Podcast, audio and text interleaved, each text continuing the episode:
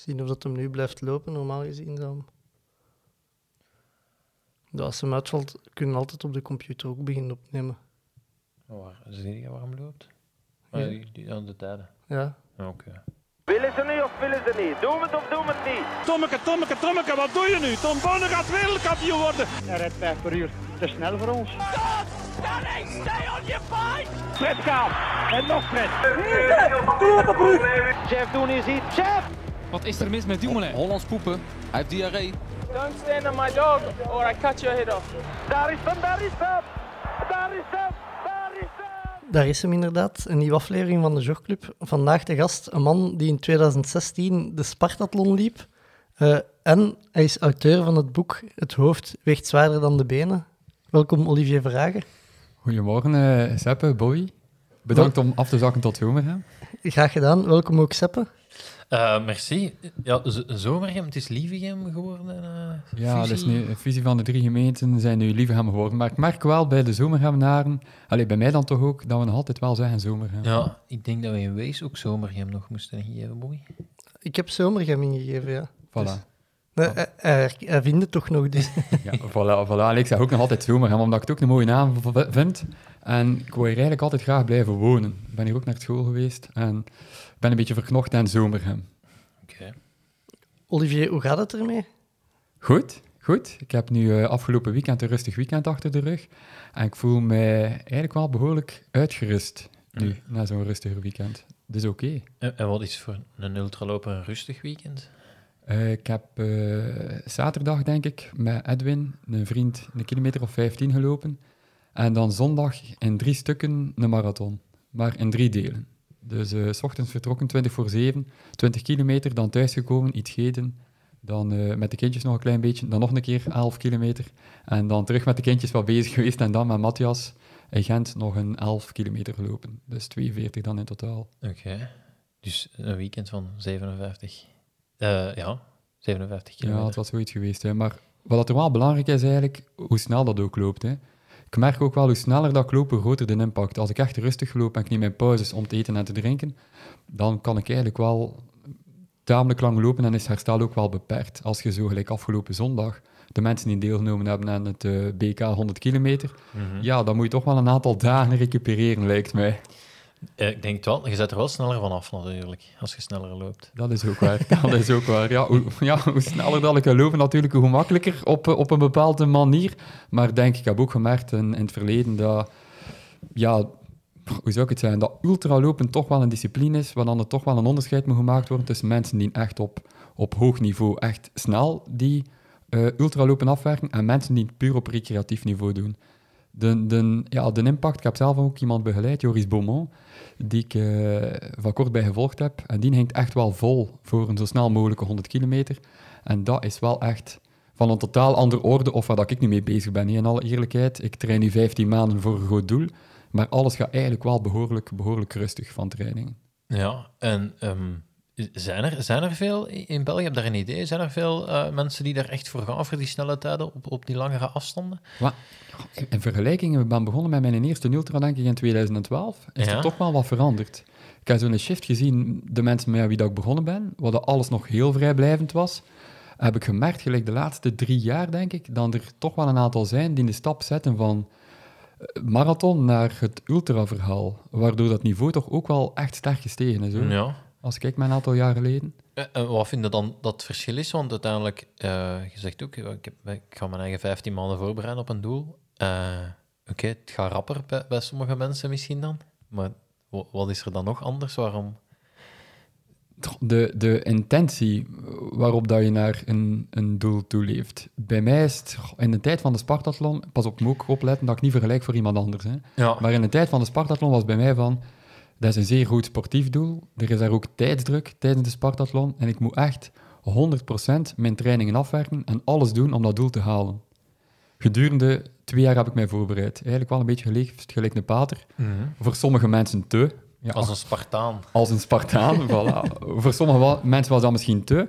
Voor mijzelf was dat ook wel nodig om mentaal klaar te zijn. Ja. Ik dacht van, ik geef het één kans. En ik wil achteraf niet zeggen van, had ik mij beter voorbereid, het was gelukt. Nee, er was geen optie om niet te lukken. Het doel dat ik nu mee bezig ben, is ja, vrijblijvender. Hè. Ik heb gezegd van, ik ga 600 kilometer op een week lopen. Dat is ongeveer 4, 85 kilometer per dag. Er zit ook niemand achter mijn veren op die dag. Ik wil ook niet hebben dat ik zoiets zeg van, ik vertrek om, om 9 uur s morgens en ik moet dat op, op, op 9 uur lopen bijvoorbeeld, en dat moet gedaan zijn. Ja, nee, ik wil mensen ontmoeten, ik wil mensen erbij betrekken, ik wil hebben dat mensen meelopen. En daardoor voel het nu minder aan als echt druk of van moeten. Ja. En die insteek in de voorbereiding is echt totaal anders. Ah, ja, oké. Oké, ik snap het. Eh, ja, laten we eens bij het begin beginnen. Hoe, hoe zeg je beginnen lopen? Je waart, je waart geen loper, hè? Maar nee, Bobby nog altijd niet. Maar ik weet niet. Ja. Ik ben hier toch de minst scherpe aan tafel, dus... Maar ja, ik bedoel, als je nu al, al die maanden 100 kilometer in de week loopt constant, dan ja, stel je natuurlijk iets scherper. Maar ja, een loper, ik vind dat nog altijd moeilijk. Hè. Mensen zeggen mij van, je moet daar vanaf, je bent wel een loper. Ik voel me nog altijd meer een, een, iemand die graag sport doet. Ah, En vroeger was dat voetbal en tennis. En ik merkte wel dat ik relatief goed was met een bal. Lopen deed ik niet graag. Hè. Als het op training was van we gaan opwarmen, en vooral in de voorbereiding was dat een Cooper-test en, en diagonaaltjes op het voetbalveld, dan dacht ik altijd van, ja, het belangrijkste in voetbal is gewoon voetbal. Hè. En hoe beter dat het de ploeg vormt, hoe beter dat het voetbal. En dat lopen is eigenlijk een beetje ja, gerommel in de marge, vond ik dan. Totaal niet graag gedaan. Meestal hangt dat ook samen met iets dat je niet goed kunt. Kon ook niet goed lopen. En dan voel je het altijd een beetje als vervelend, nou, wat ik wou voetballen. Maar ja, gestudeerd. En het wordt moeilijk om dat te combineren dan met, met het niveau waarop dat ik voetbalde. Want dat was in Deinze viermaal trainen in de week en dan in het weekend wedstrijd.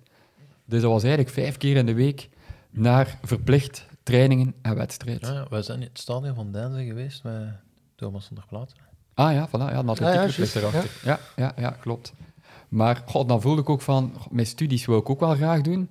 Ik was ook trouwens geen bijster goede student. Hoor. En alles wat ik doe, ben ik niet bijster goed, maar ik- ja, dat typeert mij dan misschien een klein beetje. Ik heb wel een groot doorzettingsvermogen. Ja, ja want u- ik heb uw, diplo allee, uw diploma's zijn toch indrukwekkend of zo, dus eh, het is toch gelukt? eh. Het is gelukt. Ja. Maar ik ben niet echt een goede student, want ik ben niet naar zomer naar school geweest, economie moderne talen, en nooit echt goede punten. Toen dat ik zei van, ik ga rechten studeren, was het van, Olivier, rechten? Dat ga je wel moeten studeren eigenlijk. Maar ja, als ik dan echt iets wil, dan is het van, whatever it takes. ja. Daar ga ik er gewoon vol een bak voor. En rechten is niet waar dat je iets goed moet voor kunnen. Ja, als je zegt van, ik ga iets van industrieel ingenieur doen, ja, dan is de wiskunde wel belangrijk. Ja, In rechten is er geen één vak die eigenlijk echt belangrijk is als je start. Je moet gewoon de discipline hebben om heel veel te lezen, te leren. En ja, eigenlijk nooit de kopje te laten hangen. Want de leerstof is zodanig groot dat je eigenlijk je moet beperken tot de essentie. En dan geleidelijk aan leerde die cursussen. En geleidelijk aan gaan die jaren voorbij en dan slaagde het uiteindelijk wel. ja. Dus ja, dat, dat was wel zoiets van, ik wil dat ook wel doen. En de sport, voetbal, begon een beetje minder belangrijk te worden. En dan dacht ik van, goh ja, ik ga dat wel blijven doen, maar op een lager niveau. Maar dat was eigenlijk ook maar half werk. Hè. Dan is het zo plots twee keer trainen in de week, vrijheid, blijheid, niets moet. En het lukte niet meer zo goed. Het was vooral plezanter na de wedstrijd dan, dan, dan de voorbereiding erop. ja. En dan ben ik beginnen werken in Brussel en toen was het echt volledig gedaan. Ja, half acht training, lukte niet eigenlijk om op tijd te zijn. En dan voelde van, geval naast de ploeg, eh, ja, de motivatie gaat ook weg. En dan was er een vriend van mij, eh Philippe, hier op Zomerham, die zei van, eh, een fanatieke sporter, jetski gedaan, Belgisch hoog niveau, eh, een zeer goede loper. Die zei van, Olivier, we willen een keer samen trainen voor een marathon.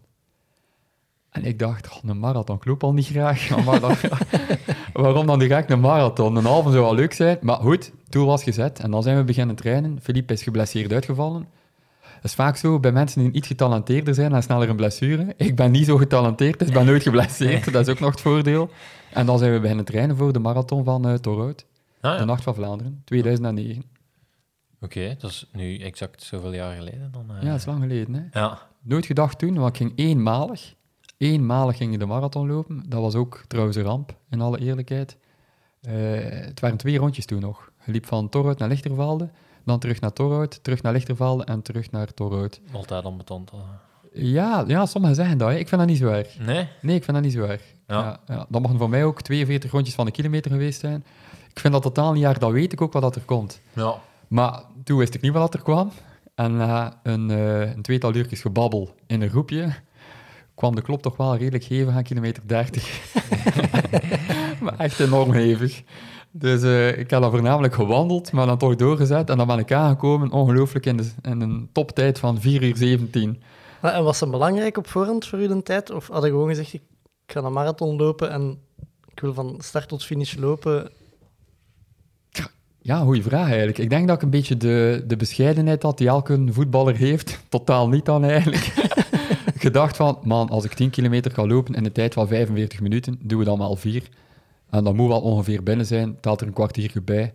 En dat lukt wel. Maar ja, een voetballer heeft ook zo'n rare manier van lopen. Je moet er soms een keer op letten als die opwarmen ook. Dat is eigenlijk ook wel een, een zijwaartse beweging. Zo de beentjes een beetje lopen en zo wat getrippel. Ja, veel voetballers lopen gelijk. Ja. Ik had dat toen ook en uiteindelijk was ik totaal niet voorbereid op wat ik toen en toen was. Maar er was ook nog 100 kilometer op dat moment. Uiteraard. En ik zag die mensen passeren en ik dacht van, damn, die moeten nog een keer Lichtervelde Tor uit, Lichtervelde Tor uit, uit, noem het op, 100 kilometer lang. En ik had gezien en ik dacht van, ja, amai, dat moet toch een totaal andere voorbereiding zijn of wat ik nu mee bezig ben. En er was iemand van mijn dorp, die niet zo ver van woont, Kurt, die eh, ook meedeed aan die 100 kilometer. En na de marathon heb ik contact gezocht met Kurt. En dan hebben we eigenlijk twee jaar lange duurloop gedaan in het weekend. Dat ging van 15 tot, tot 45, denk ik. Samen lange duurlopen gedaan. Zeer rustig. Eh, En wanneer, wanneer is dat het leuk beginnen vinden? Het lopen. Maar eigenlijk vanaf die moment al. Ja. Omdat dat toen goh, eigenlijk wel zeer rustig lopen was. Ja. En het was altijd leuk bij hem. We waren aan het babbelen, we waren een beetje aan het verdwalen hier door Zomerhem. Ik leerde mijn dorp ook beter kennen. Er was ook geen druk. Eh, We vertrokken en we zagen wel waar we uitkwamen. Daarna, bij zijn madame aan de keukentafel, was het ook altijd leuk, want dan mocht ik eten wat ik wou. Hè. Een suikerwafel, een cola, een non-suikerwafel, een pannenkoek, een Fransje pannenkoek. dat was echt zalig om dan echt goed te eten. Niet gezond, maar wel lekker. Ja. Lekkere zaken te eten, omdat je gedaan hebt, omdat je wat suikers nodig hebt. Ik was ook niet zo goed in mijn bevoorrading onderweg dan. Maar geleidelijk aan ja, werd dat 15, 20, 25, 30.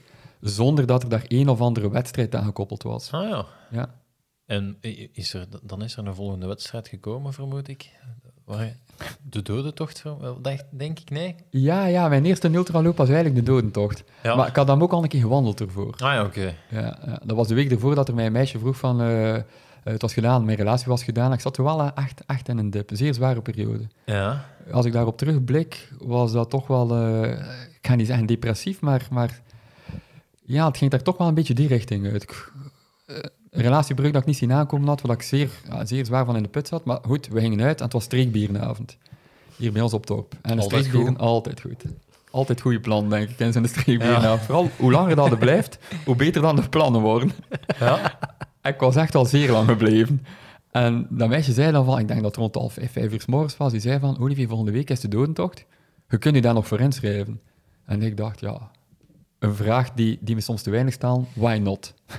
Meestal zeggen we waarom, maar ik dacht, why not? We gaan dat gewoon een keer doen. Ik ben gestart. Wan- Ah, ja. Wandelen. Dus ik heb eh 20 uur en een half, denk ik, of 21 uur met eh Talia van Akker gewandeld. Ik vind dat De verschrikkelijk. is Dit- verschrikkelijk. Het, het wandelen, hè. Niet, niet lopen... Hetzelfde. Me elke week vragen, maar, ook verschrikkelijk, ja. Verschrikkelijk, ja, verschrikkelijk. Ook omdat het niet vooruit gaat. Hè. Je bent aan het rekenen als loper en dan denk je van, ja, het is nog 20 kilometer tot de helft. 20 kilometer, dat is een uur of twee. Ah nee, pakt een uur of drieënhalf, ja, misschien vier uur.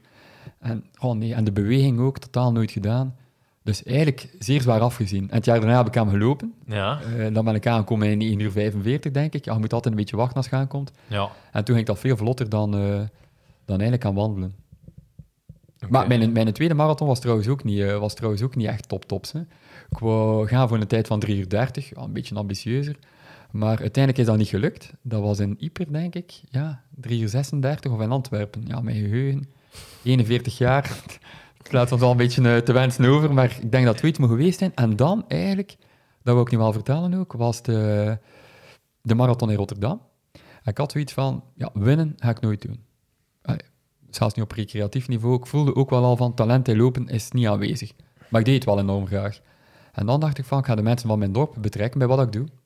Ik ga een artikel in de krant laten plaatsen, waarbij dat we met mensen van Zomerhem naar de marathon van Rotterdam gaan.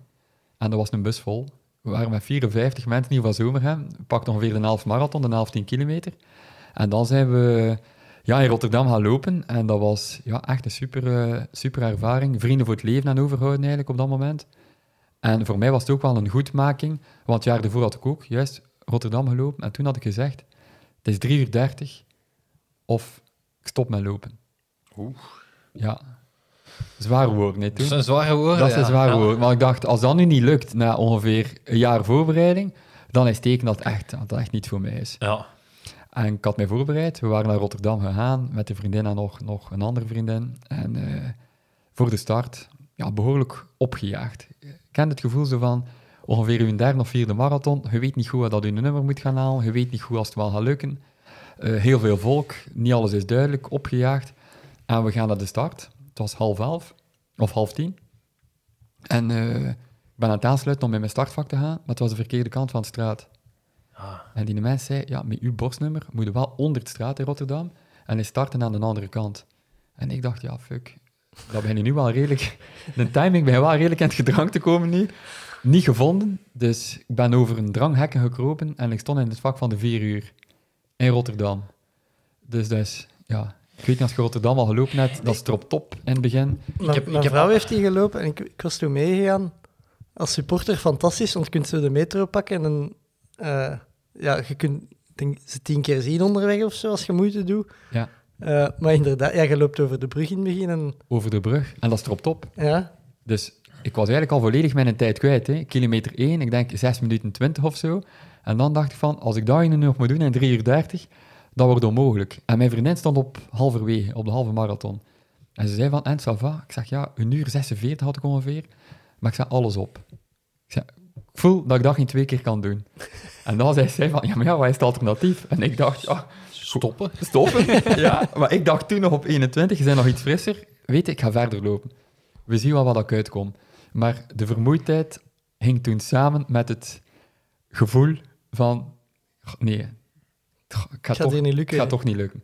En dat werd constant sterker. En toen zei ik van, ik ga niet aankomen met een tijd boven de 3 uur 30 achter mij aan. En ik had besloten van te stoppen waar mijn vriendin stond. Ja. En ik dacht, als ik zo'n nonnetje zie, stap ik uit de wedstrijd. Maar mijn vriendin had toen niet beter op gevonden om te staan op de koolsingel op de laatste rechte lijn. Dus dat was kilometer 41 en een chic, denk ik. En dan ben ik over dranghekken gekropen in de laatste rechte lijn van de koolsingel. En dramatisch. dramatisch als ik er nu op terugdenk. Ja, ja, En ja. die zei van, je hebt nu een jaar getraind, je hebt als geen eindtijd, geen medaille, dus ik ben gestopt aan 41. De enige wedstrijd ooit van de 85 die ik opgegeven heb. Ja. Stoem, hè? spijt Ja. van. Ja, enorm, jong. Bobby, maar echt enorm. dat is, we hebben dat het jaar daarna goed gemaakt met de vrienden van Zomerhem, maar dat is een gemis, hè. Die Rotterdam 2011, dat is geen medaille, dat, dat blijft. ja. Maar dat heeft er wel voor gezorgd misschien, daarna, dat ik nooit niet meer... Opgegeven. heb. Voilà. En geen ene wedstrijd. Ja, en ook misschien, je, je begin, allee, be- als je dan zegt, van, je, legt je eigen al, al die een druk op voor dat lopen, eh, het begint niet ideaal, hè, want je, ja, je zit in het verkeerde vak en ja, je, je neemt al heel veel negativiteit mee in je wedstrijd, terwijl, ja, als, ik, als ik uw boek lees en uw verhalen hoor, is, is het eigenlijk een veel positiever verhaal dan... Dus is dat misschien wel iets goed dat eruit uit, uit is, uit is Absoluut. voortgekomen. Ja. Absoluut, want eh, ik, ik, op mijn presentaties maak ik regelmatig de vergelijking tussen Rotterdam en Amsterdam. Amsterdam was eh, vorig jaar, ja, ik moet opletten, 2019. Ja, Maxime is al twee jaar, dat was in 2019. Ik wou Amsterdam lopen met een tijd onder de drie uur. Maar Maxime was geboren, 29 maart, en Rotterdam was in oktober. Oktober, ja. Ja, ik dacht, als hij doorslaapt, moet wel lukken, er zit voldoende tijd tussen. Maar Maxime had er niet beter op gevonden om de eerste acht maanden niet door te slapen. Dus er was wel vermoeidheid. Eh, we hadden ook een nieuw kantoor gekocht. Dat kantoor moest ingericht worden. Ja, als, je, als je inricht of, of het aannemers nodig, loopt er altijd wel een keer iets fout. Dus de druk kwam er dan ook nog bij. Maar ik dacht, ik was redelijk ja, zen na al die jaren lopen. En ik dacht van, weet je, we gaan ons gewoon perfect voorbereiden. Die een dag zelf zien we wel wat dat er komt. Dus met nul druk naar de start gegaan in Amsterdam. Zelfs eigenlijk met een goed gevoel. Dat ik dacht van, lukt het niet, tant pis, geen erg, lukt het wel, zou het top zijn. En ik ben doorgekomen de halve marathon in een uur 28. En mijn compagnon zei van, Olivier, dat kan ik geen twee keer. En ik dacht, ik ook niet. Maar dat heb ik ook geleerd door, doorheen de jaren. Je mocht niet te ver kijken. Op dat moment voelde het niet aan dat ik dan nog een keer kon een halve marathon. Maar uiteindelijk, twee kilometer kon ik nog wel. En die twee kilometer waren er dan vier, waren er zes, waren er acht. En uiteindelijk was het weer 59,08, denk ik. Dus aangekomen. Dus het verschil tussen Amsterdam, wat ik minder voor getraind stond Ja. eigenlijk dan voor Rotterdam, was immens. Gewoon door de, door de zen of door de rust die ik had voor de wedstrijd. Ja. Bij Rotterdam opgefokt starten, ja, dat gaat niet. Hè. Je maakt je in 10.000 dingen druk, waardoor dat al je energie weggaat voor je prestatie.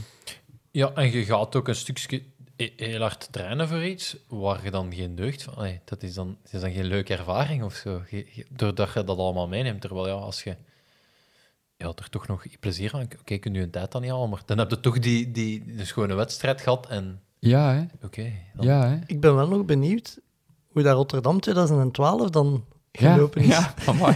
ja, Rotterdam 2012. Mijn vriendin was toen terug mee. Toen was het wel gedaan, maar ze wou nog een keer meegaan om te supporteren. En dan had ik gezegd 3 uur 30. En dat was het eigenlijk perfect. 3 uur 23. Dus dat was eigenlijk wel Ja. leuk dat toen wel lukt. Want het gevaar bestaat dan wel als je terug gaat naar ergens en het lukt dan terug niet. Dat om nu in de kopje begint te zitten. Je kunt ook niet blijven stoppen, hè. Of Nee. blijven zeggen dat je gaat stoppen, hè. Nee, dat is dus één keer gebeurd, maar ik ben blij dat dat nooit, niet meer, eh, ja, nooit meer voorgevallen is eigenlijk. Ja. ja. Ja, vooral op die afstand is het, ja, het kopje toch zo belangrijk. Hè. Ja, en ook een marathon. ehm, ja, dat is, ik, ik, ik heb nu, nu lange wedstrijden en zo, maar een marathon is iets vrij pijnlijk. Hè? Dat, dat, dat, is, dat, is, dat, is, dat is niet zo aangenaam lopen. Eh, in het begin nog wel, maar dat, dat, dat begint ook wel op een bepaald moment Ja, hè. zeer te doen. Hè? Maar eigenlijk is de beste periode in de marathon, vind ik nu nog altijd, tussen 10 en 5, 26. Ja, Dat is meestal, je bent wel in je tempo, het roepje gevonden, het loopt goed. Goh, als je bevoorrading een keer mist of je neemt wat minder, het gaat wel altijd goed. Tot op het moment, meestal van 6, 27, dat je begint te voelen van zo'n beetje kantelpunt. ja, Meestal zeggen ze 30, bij mij komt dat vaak wat vroeger. Dat ik wel voelde aan 6, 27 van, dat kan ik nu nog wel doorduwen, of ik ga het toch een klein beetje moeten bijsturen. ja. Om niet in een patat te krijgen dan op 4, 35. Ja, inderdaad. Ja, ik, de- ik heb ook Amsterdam gelopen, maar dat was ook, dat was, dat was, dat was ook geen succes. Maar ik, ik, had, ik had niet zo'n goed plan. Ik wou, de, ik wou de Afrikaanse vrouwen volgen. Dus ik, ik, heb die, ik heb die gevolgd en die, die liepen te rap. Ik vind gek. En ehm, ik heb na 12 kilometer dan een ander groepje gaan zoeken daarachter.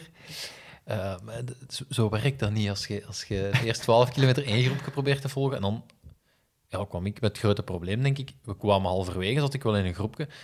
Dan was er een die wou dan negatief lopen. Er was er een die wou uitstappen. Er was er een die aan het hazen was. En ik zat alleen na kilometer 21 en ik had echt het beste al gehad toen.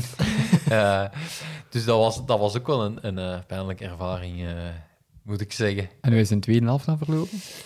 Ja, echt, echt super hard afgezien. Echt waar. Ik, ik, ja, gewoon ook, ja, je, je, blijft wel, je blijft wel echt lopen. En ook het, het vreemde is, ik had die super slecht ingedeeld en iedereen zegt dan van, "Mal, hey, Seppe, dat wist je toch en zo. Maar er is mij geen twee man voorbij gelopen. Omdat, denk ik, zo de, het, het tempo dat ik toen liep, ik ben nog gefinished in 2 uur 32, ehm, da- daar, daar, zeker in Amsterdam toen, daar lopen niet heel veel mensen. Dus ik, ik raapte nog heel veel vrouwen op die, die aan het stappen waren. Of die, ja, die lopen natuurlijk voor te winnen. Hè. Dus die, ja, die volgen. Dat is alles of niks. Die volgen en na 35 kilometer zeggen die, ja, het is niks vandaag, ik, ik stap uit. Dus. Ehm, maar ja, dat was echt was, was een pijnlijke... en Maar, maar ik vond dat wel heel leuk om eens, om eens echt een, een, ja, een stadsmarathon te lopen, eigenlijk. Ja, ik ook nog altijd hoor. Eh nochtans, het is een dubbel gevoel eigenlijk dat ik heb met een marathon. Ik vind vaak voor mezelf dat ik te veel tijd steek in de voorbereiding van één marathon, Ja. waarbij dat ik denk van, er zijn zaken waar ik nu mee bezig ben dat ik liever doe.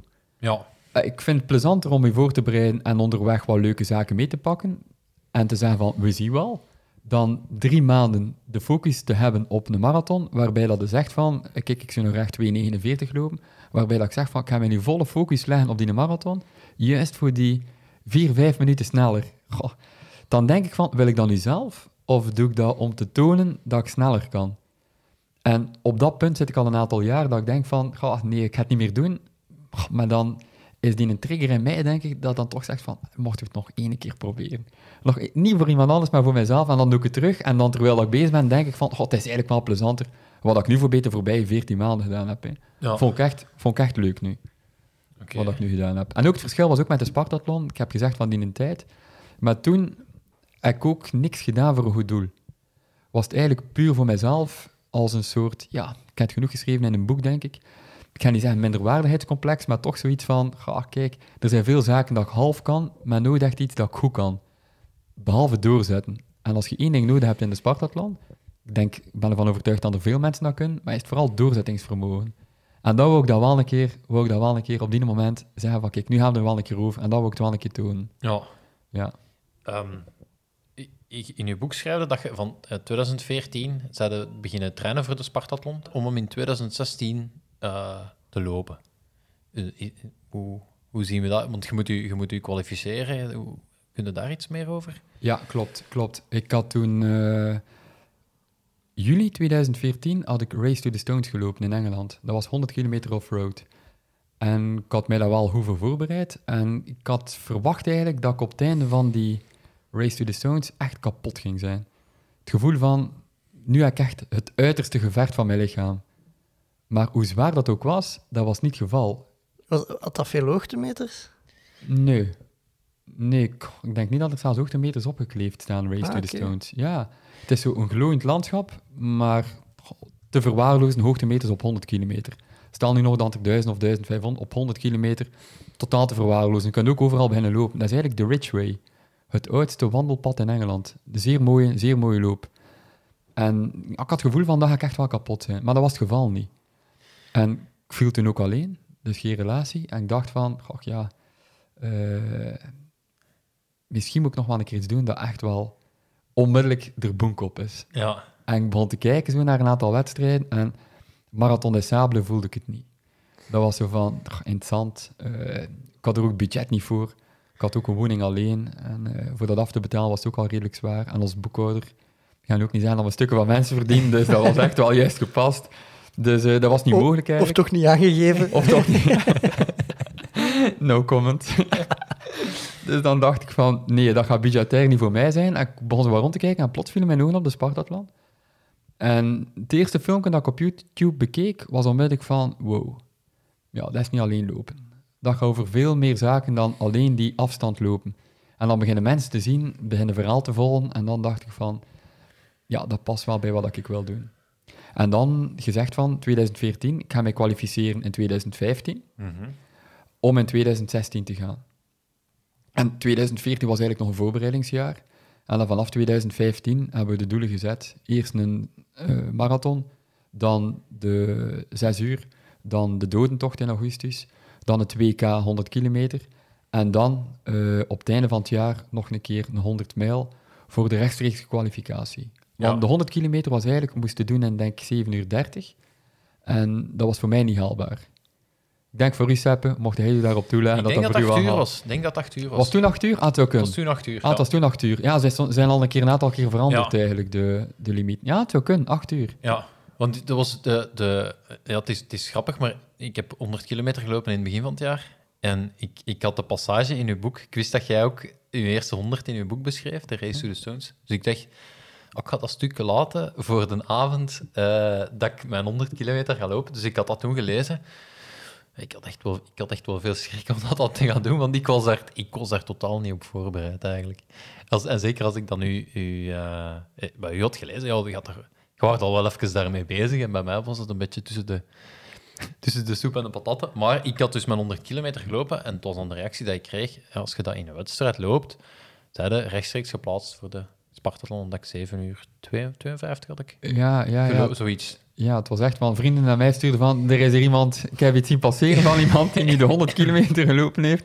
En ik dacht, wow, seppe. En ik dacht, ja, ja ik ken u dan ook van de, van de hel natuurlijk, zoals de meeste mensen. Ja. En ik dacht, wow, ja. Allee, je kunt goed zijn in duursport, maar 100 kilometer lopen is ook niet iedereen gegeven om dat aan dat tempo te doen. Dus voor mij zou het dan niet haalbaar zijn, in die tijd maar nu ook niet, om dat in 8 uur te doen. Ja. Dus ik dacht, we gaan toen in 10 uur, en dan komt in aanmerking voor loting. Ja. En op het WK, dat was mijn enige wedstrijd op 100 kilometer die ik ooit gelopen heb. Dan dacht ik van, de trainer is er niet bij. Hij heeft gevraagd 10 uur op de 100 kilometer, maar omdat hij er niet bij is, kan hij ook niet perfect volgen wat ik ga doen. Toen ben ik dat wel. Ik ga misschien iets sneller vertrekken. en dan, Goed, goed plan op een 100 kilometer. goed plan, hè, altijd. Dat is zo control-alt-delete, hè, als je start. Ja. Alle plan die je hebt, pst, Ja. na het start gaat gewoon weg. En dan begon ik te lopen en dat voelde eigenlijk wel goed. En, en, en tot kilometer 50 voelde dat goed. Maar dan daarna ging dat geleidelijk aan bergaf. Maar dan had zodanig veel marge dat je voelt van, oké, dat kan niet meer misgaan in 10 uur. En dan was ik aangekomen in 8 uur 55 of 56, denk ik, of 57. Net onder de 9 uur. Wat dat om de duur wel natuurlijk ook wel iets was van, dat gaan we nu toch proberen onder die 9 uur. Ja. En ik was blij, maar goed, het is geen 8 uur, hè. Dus het is loting. ja. En dan dacht ik met een trainer van, gaan we nu wachten tot als zeven gepensioneerde Grieken uw naam trekken uit een bokaal, waarbij dat de kans groot is dat er niet bij bent of dat er iets fout gaat. Maar dan was het zo van, nee, dat gaan we niet doen. We gaan proberen voor de rechtstreekse kwalificatie. En dan was er een wedstrijd in december 2015. Je kon kiezen ofwel in Nederland, Zandpoort Noord, ofwel in Barcelona. En ik dacht, ja, budgetair Barcelona, gaat ook niet goed passen, past ook niet in de planning, met vliegtuig naar daar. Eh, het is nog een drukke periode op boekhoudkantoor voor het einde van het jaar. En ik dacht van, we gaan naar Zandpoort Noord. En ook, de wedstrijdomstandigheden waren gelijk. Het was alle twee op een atletiekpiste. Dus in die end, Gruwelijk. ja, dus in die end maakt het niet uit, gruwelijk in Barcelona of gruwelijk in Zandpoort Noord. Ja. En dat was Zandpoort Noord. De enige factor die ik moest afwachten was het weer natuurlijk. Ja, in de winter kan het, kan het echt koud zijn op zo'n atletiekpiste. En dan heb ik mij ingeschreven voor de 100 mijl. En 100, 100 mijl op een atletiekpiste. op een atletiekpiste. Oké. Miljard. Ja. En is dat altijd hetzelfde, of wissel af van richting... ja, ze maken het wel iets attractiever door een kegeltje te zetten na twee uur om tegenstel te lopen. Oh ja, om, Ja. om, voor die belasting. Voor, voor die belasting, ja. ja. Dus om ook- de, om de twee uur werd daar geswitcht Wordt van. dat geswitcht. En hoeveel man liep daar dan op die piste? Een man of 50, 55, denk ik. Ja. Amai. Ja, dat was wel ook eh, het enige nadeel dat er toen aan was. Iedereen liep in baan 4, want baan 1, 2 en 3 waren niet beschikbaar. Ook denk de ik stiepelbalk. was voor, na, na twee keer omgedraaid hebben, was het een stiepelbalk als ze erop zetten. Stel je voor, Ja. Stel, daar ga ik er nooit over. Daar moet je over kruipen, denk ik, na een aantal uur. Maar het was, het was, ja, het was dus baan 4, omdat 1 ook te kort draaien is. Ah ja. Baan 4 is minder belastend ook. Ja. Maar natuurlijk, iedereen loopt in baan 4. Dus moet je regelmatig baan 5 nemen om voorbij te lopen. Dat- Extra meters die niet meegeteld worden. Maar op zich was dat nog niet het ergste. Het was, we waren vertrokken. En ik had vijf rondjes gelopen. En de meeste mensen drie. Ik was redelijk vlot vertrokken. En plots klinkt er zo weer een geweerschot. En ik dacht, oh, wat is er gebeurd? Ja, jongens, eh, spijtige mededeling. Eh, de ronden zijn niet geteld. Er is iets mis met de timetracker. Eh, iedereen start opnieuw en we geven iedereen drie ronden. En ik dacht, ja, Twee ronden verschoten. twee ronden verschoten. Ja, ja. Ik bedoel, als ik mijn doel nu mis met 800 meter, Ja, mooi. gaat hier wel zonde zijn. Dus mentaal begint dat al in de kopje te kruipen. Hè? En dan hadden ze gezegd van, weten we geloven nu, we gaan nu twee ronden bijgeven. Maar dan natuurlijk had ik de fout gemaakt van nooit naar tv-scherm te kijken, maar altijd naar mijn horloge. Ja, maar dat op een atletiekpiste... Ik ga niet, hè. Nee, nee, nee. Dus ik dacht na 12 uur lopen, ah, ideaal. Ik had 121 kilometer en half. Ik dacht perfect op schema. En op, ik vroeg aan- toen aan mijn vriendin toe, van kijk een keer op dat scherm, eh, hoe zit dat daar? Ze zegt van ja, je loopt op kop. Eh het eh, bijna 119 kilometer. En ik dacht, ja, damn, dat is 2 kilometer en half minder ongeveer dan op mijn, dan op mijn horloge. En dan kwam de tweede, nog een keer een ontgoocheling, de derde toen al van die dag. 100 mijl is niet 160 kilometer. Dat is 161. Echt, hè?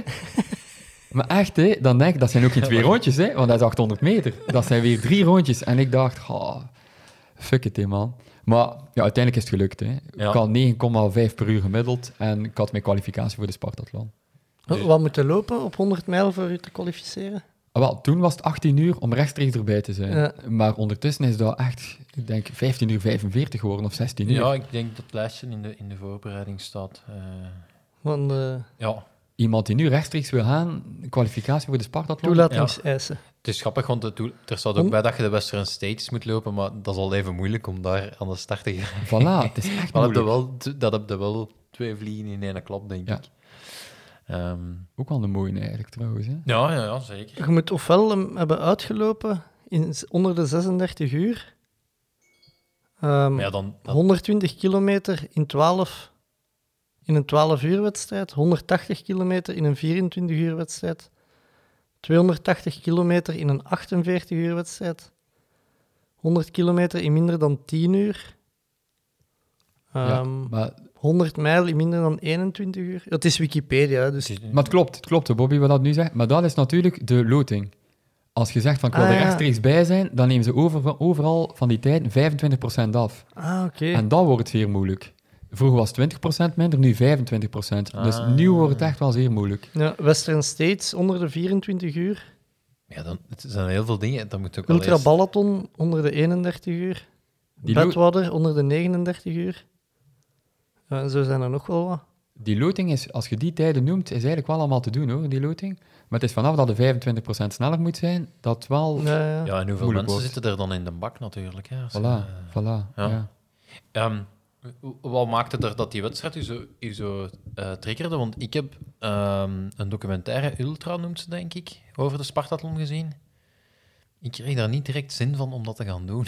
Dat is misschien ook niet echt het, het, de mooiste... Allee, het, het- ja, het zijn mensen die, het- die, het- die een herkansing krijgen, denk ik. Of, of ene gaat het een week later lopen. eh, want als je... Je mocht maar drie keer meedoen of zo. Zoiets is er ook. Hè, dat je, als je niet aankomt, dat je, dat je je kans verkeken hebt, dat je niet meer mocht starten of zo. Ja, het zijn wel een aantal strikte, strikte voorwaarden Ja. in de Spartathlon. En ook, het gelijk hebben, als ik terugblik, is het qua parcours niet het mooiste parcours dat ik ooit gelopen heb. Dat bleek ook uit die documentaire. En Ja. als je dat gaat lopen zonder die wedstrijd, is dat eigenlijk levensgevaarlijk.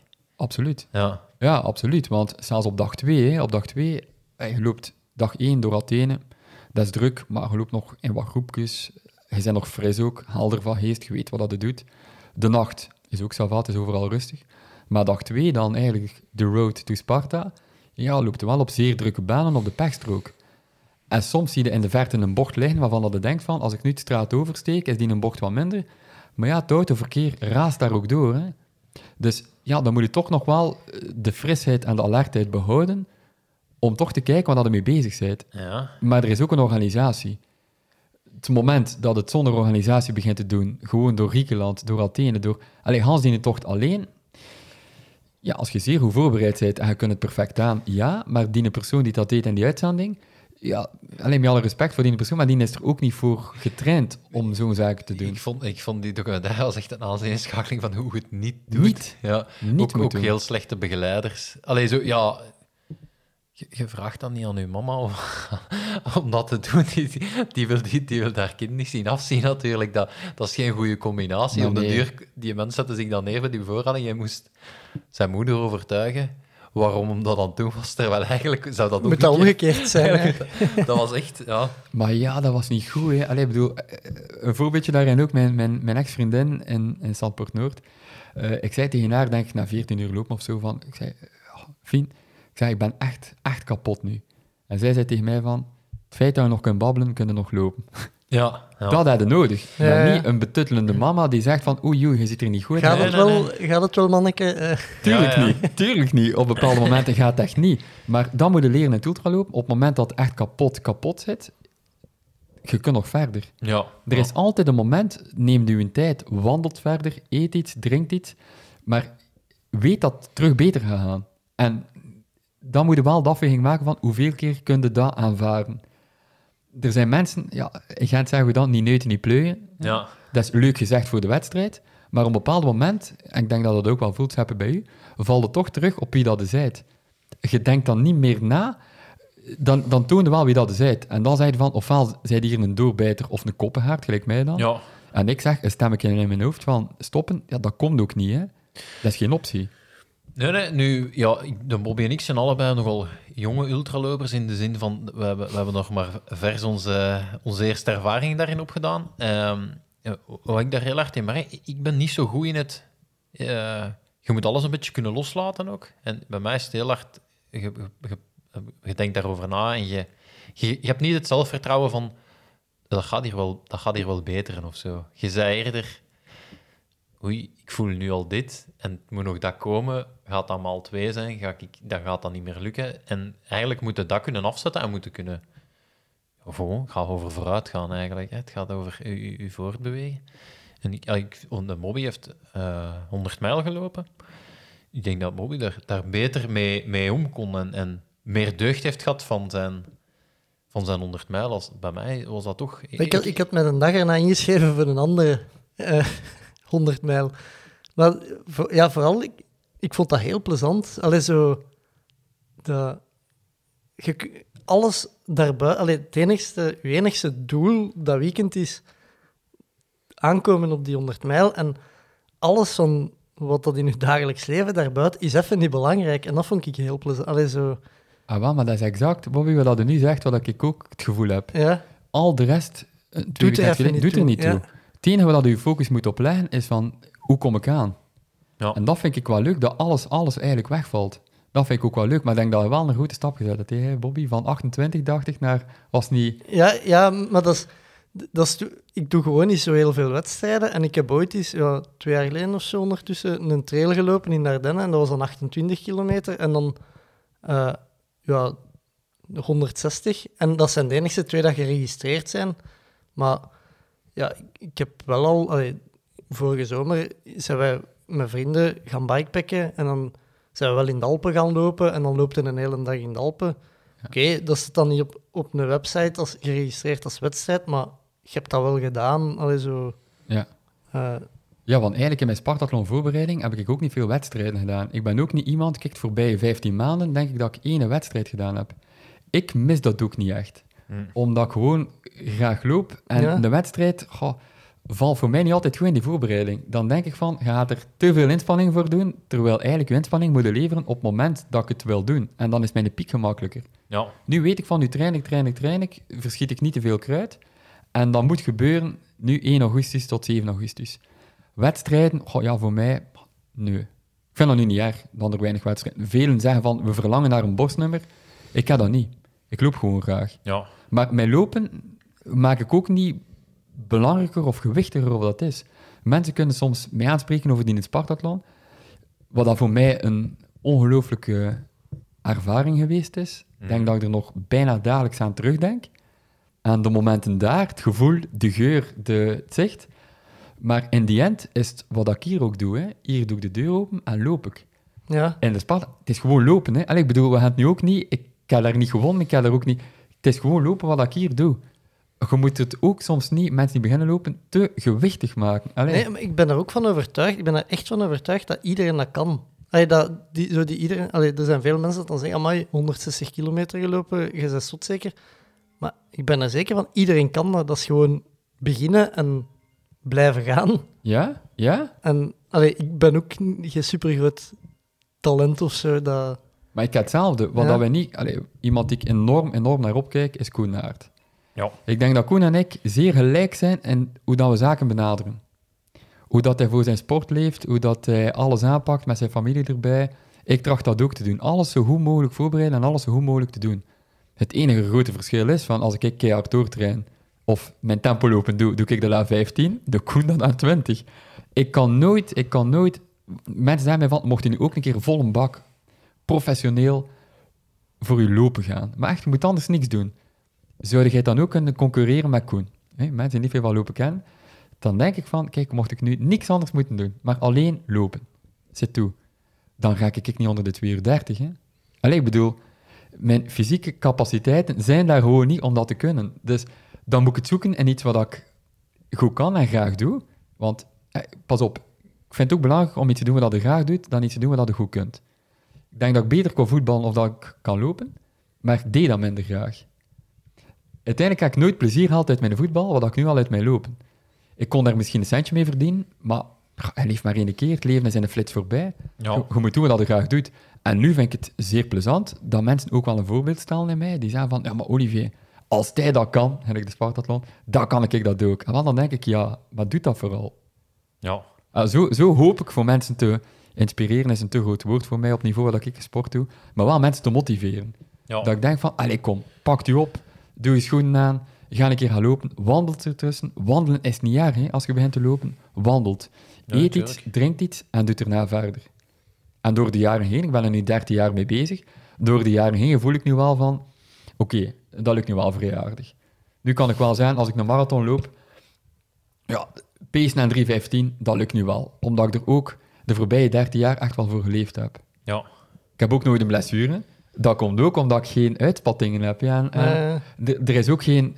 Sommigen zijn van periodisering. We gaan een periode van het jaar keihard trainen voor die marathon. En dan drie maanden niet. Want oh, we moeten er even uit. Ik heb een 52 weken schema. denk ik al 13 jaar. Ja. Dus altijd is er wel ofwel een relatieve rust, maar ik blijf altijd wel bezig. Ja. Waardoor dat ik blessures kan vermijden. Ja, het is echt een levensstijl eigenlijk. Een levensstijl, voilà, Ja. dat is het. Ja. En daarmee kijk ik enorm op naar Koen. Hè. Koen die het in die levensstijl nog een keer 100% nog een keer strikter doet dan, dan mij. Ik vind, dat, ik vind dat echt chapeau. Ik denk, eh, sportman van het jaar is hij niet geworden. Ik vond het volledig onterecht. Ik ook. Volledig onterecht. Omdat er dan nog zegt een Eden Hazard, die eigenlijk een speelvogel is, die enorm getalenteerd is. Maar als je dan de zaken ziet wat dat Koen daarvoor doet, dan denk ik van, dat was toch wel een gemiste kans. Maar goed. Ja. Ben ik, ben ik mee eens, ja. En van, van sporters, mijn, mijn buurman hier is een fanatieke triatleet. Dat zijn de mensen dat ik meest naar opkijk. hè. Ah, ja. Ja, ik ben vorige week gaan kijken hier in Lievenham was er een triathlon. Ik Ja, vind ja. Ik vind, ik chapeau. Hè. Allee, ik zie die mensen eh, uit het water komen, dan denk ik van wow. Die springen op die velo, die stampen daar verzet. Dat ik denk, ik zal blij zijn als ik het één omwenteling rond kan krijgen. Die, die, die fietsen daar fenomenaal, die stappen van in de fiets. En die lopen daar nog, denk ik, 16 of 17 per uur op die 20 kilometer. Wauw. Ja. ja. Allee, mijn buur heeft een volledige triathlon gedaan, 9 uur en 2.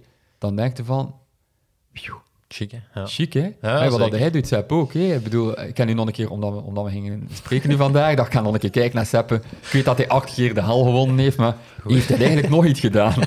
En dan begin ik te kijken en dan denk ik van, wow, ja, ja, chapeau. Ja. Ja, merci. Ja.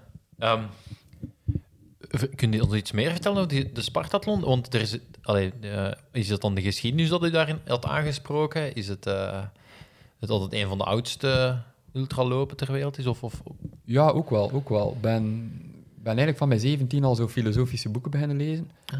Ja, dus ben enorm geïnteresseerd in filosofie, omdat er heel veel vragen gesteld worden zonder antwoord. Ik vind dat plezant. Vroeger dacht ik van dat ik niet slim genoeg was omdat ik geen antwoord weet, maar nu weet ik dat dat ook al een teken is van nadenken. Er moet niet altijd een antwoord komen. Dat vond ik leuk aan de filosofen. En dan beginnen we wel zaken op te zoeken. En natuurlijk, ja, de historiek in Griekenland. Dan beginnen die in de wedstrijd te zien, ook de historiek erachter. Die beleving, je loopt naar Sparta, je raakt die een voet aan en dan stopt een tijd.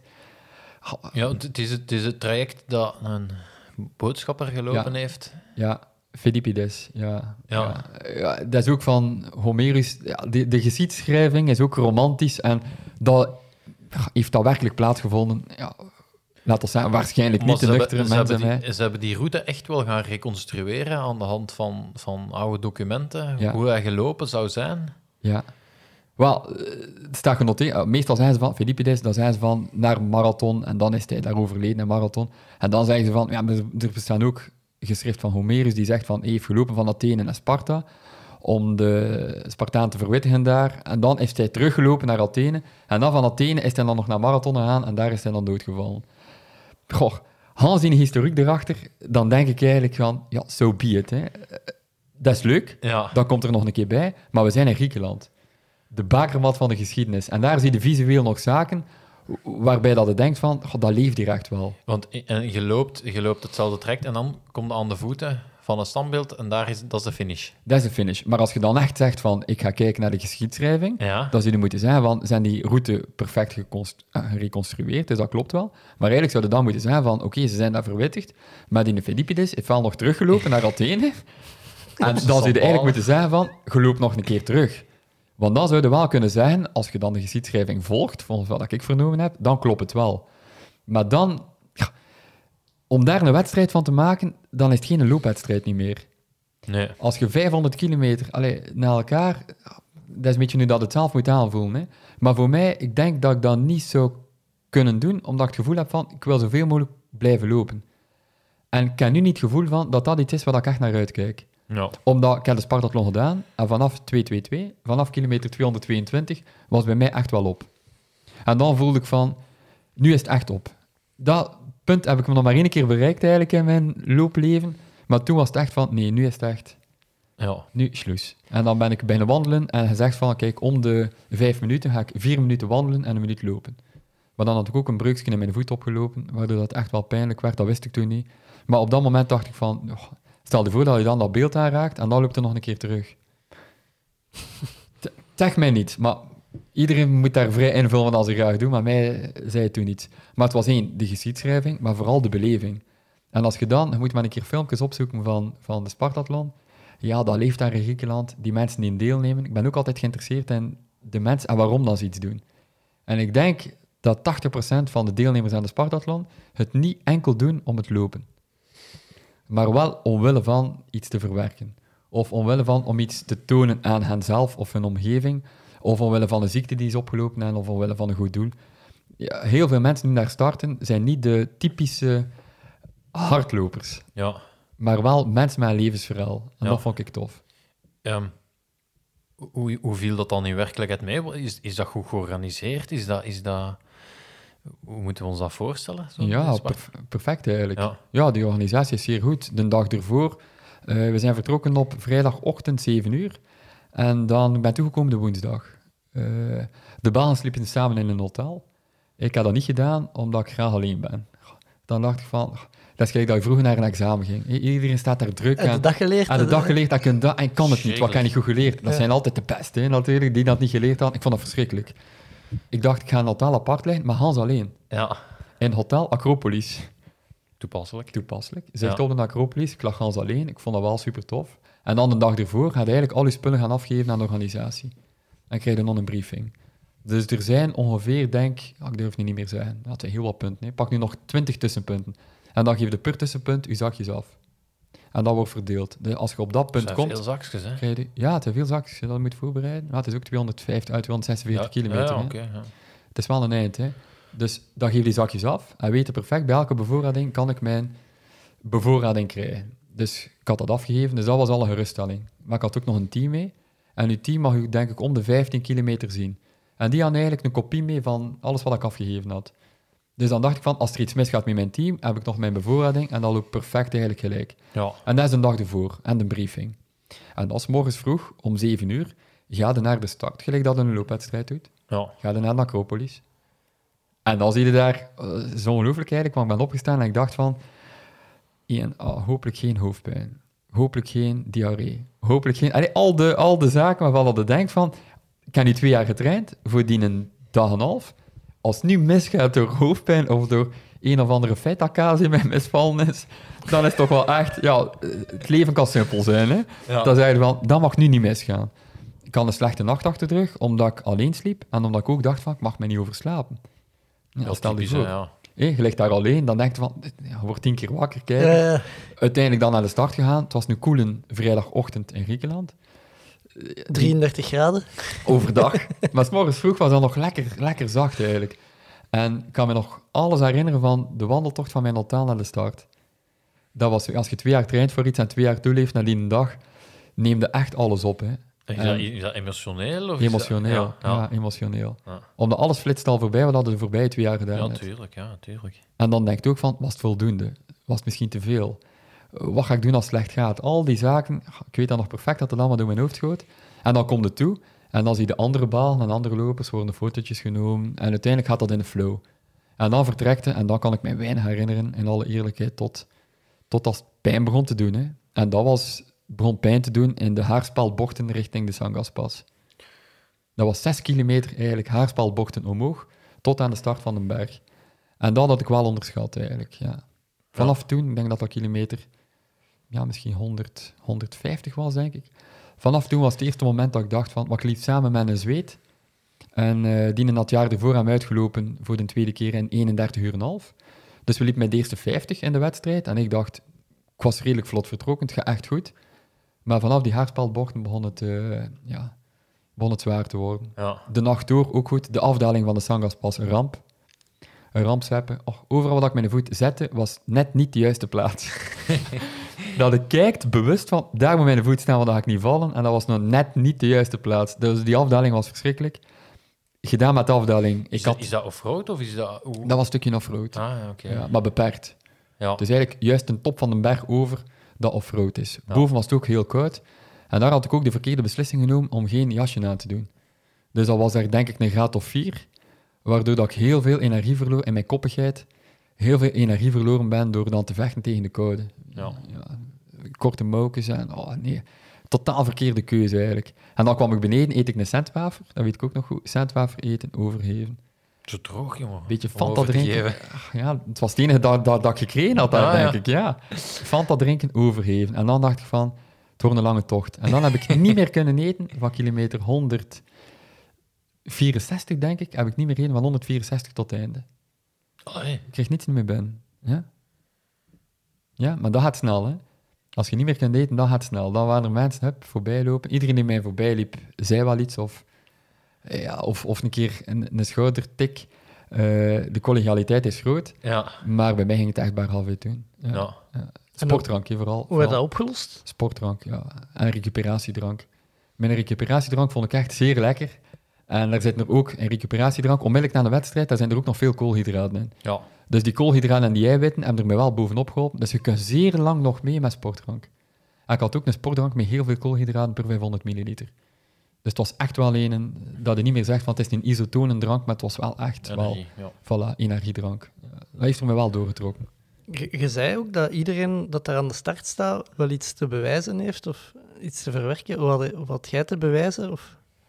Ja, oh, terechte vraag, Bobby. Eh, het was niet de meest gelukkige periode van mijn leven. hè. Toen ik voelde mij een relatie die geëindigd was, waarbij dat, dat je voelt van niemand heeft een fout gemaakt, maar wij samen, dat is geen match.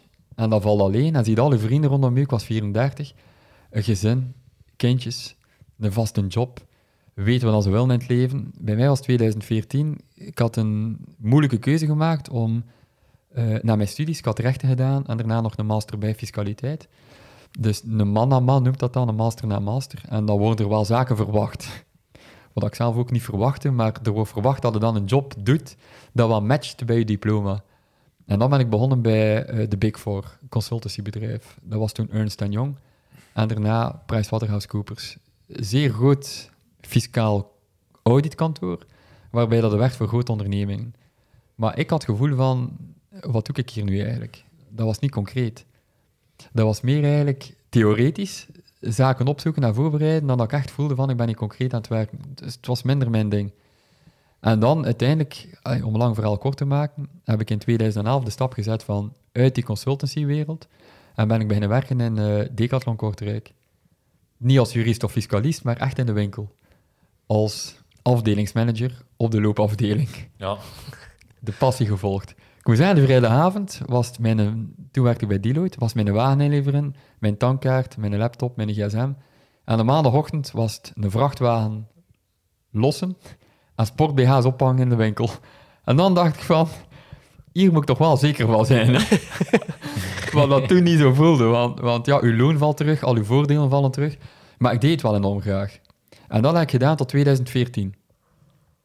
Ik was ondertussen, na zes maanden, was ik eh, sportief directeur geworden van eh, alle winkels in België en Nederland voor Decathlon, voor de loopafdeling. Oei, dat. Dat ging ongelooflijk rap. Maar dat was dan ook het probleem. Ik had eigenlijk elke maand aangegeven, wat wil hier doen? En ik dacht, bla bla, elke maand gelijk. Wat ik wil doen, is sportief directeur worden. De maand erna sportief directeur. En al die andere eh, reviews en, en, en doorlichting van wie dat zei, dat wat dat wilt, allemaal, ik ben nogal ja, een doorzetter. Als ik dat niet wil, dan dacht ik van, dat doet er allemaal niet toe. Ik had alles opgegeven wat ik ervoor deed, om dat te mogen kunnen worden. En dan was ik dat geworden, maar uiteindelijk heb ik gemerkt dat ook in het bedrijfsleven heel veel zaken politiek ook zijn. Hè. En dat voelde van, eigenlijk geeft een slecht signaal naar anderen toe, want je moet eerst winkeldirecteur worden en doorgroeien in Decathlon, voordat je dat kunt doen. En ik voelde wel van, het signaal is niet goed. En hoe dat ik mij toen gedroeg, was eigenlijk ook niet echt hoe dat gedraagt in een... Ja, dat heb ik eigenlijk achteraf gezien. Hè. Eh, wat er gebeurd was, eigenlijk om kort al te schetsen, in 2014 heb ik van dag op dag doorgekregen van Olivier, je moet morgen niet meer komen bij Decathlon. En ik dacht, ja, amai, ik geef hier mijn job op voor bij Decathlon te gaan werken. Eh, ik heb dat enorm graag gedaan. En nu plots is het hier gedaan. Ja, kwestie van carrière move is dat niet goed. Hè? Eh, de flow is weg. Ik heb hier een aflossing. Eh, dat was toen ja, 1200 euro in de maand aflossen. En ik verdien 1800 euro. Daar moet je nog een auto van betalen. En dan plots was het 1800 euro weg. En 1200 euro afbetalen. En dan denk je van, fuck, ja, wat is er hier misgegaan? Hoe Ja. onrechtvaardig is dat dat ik hier nu aan de deur gezet word? Tot, ja, dan er daar wat jaren over gaan. En nu kan ik zeggen, eh, een aantal weken geleden zat ik op mijn vrijgezellendag.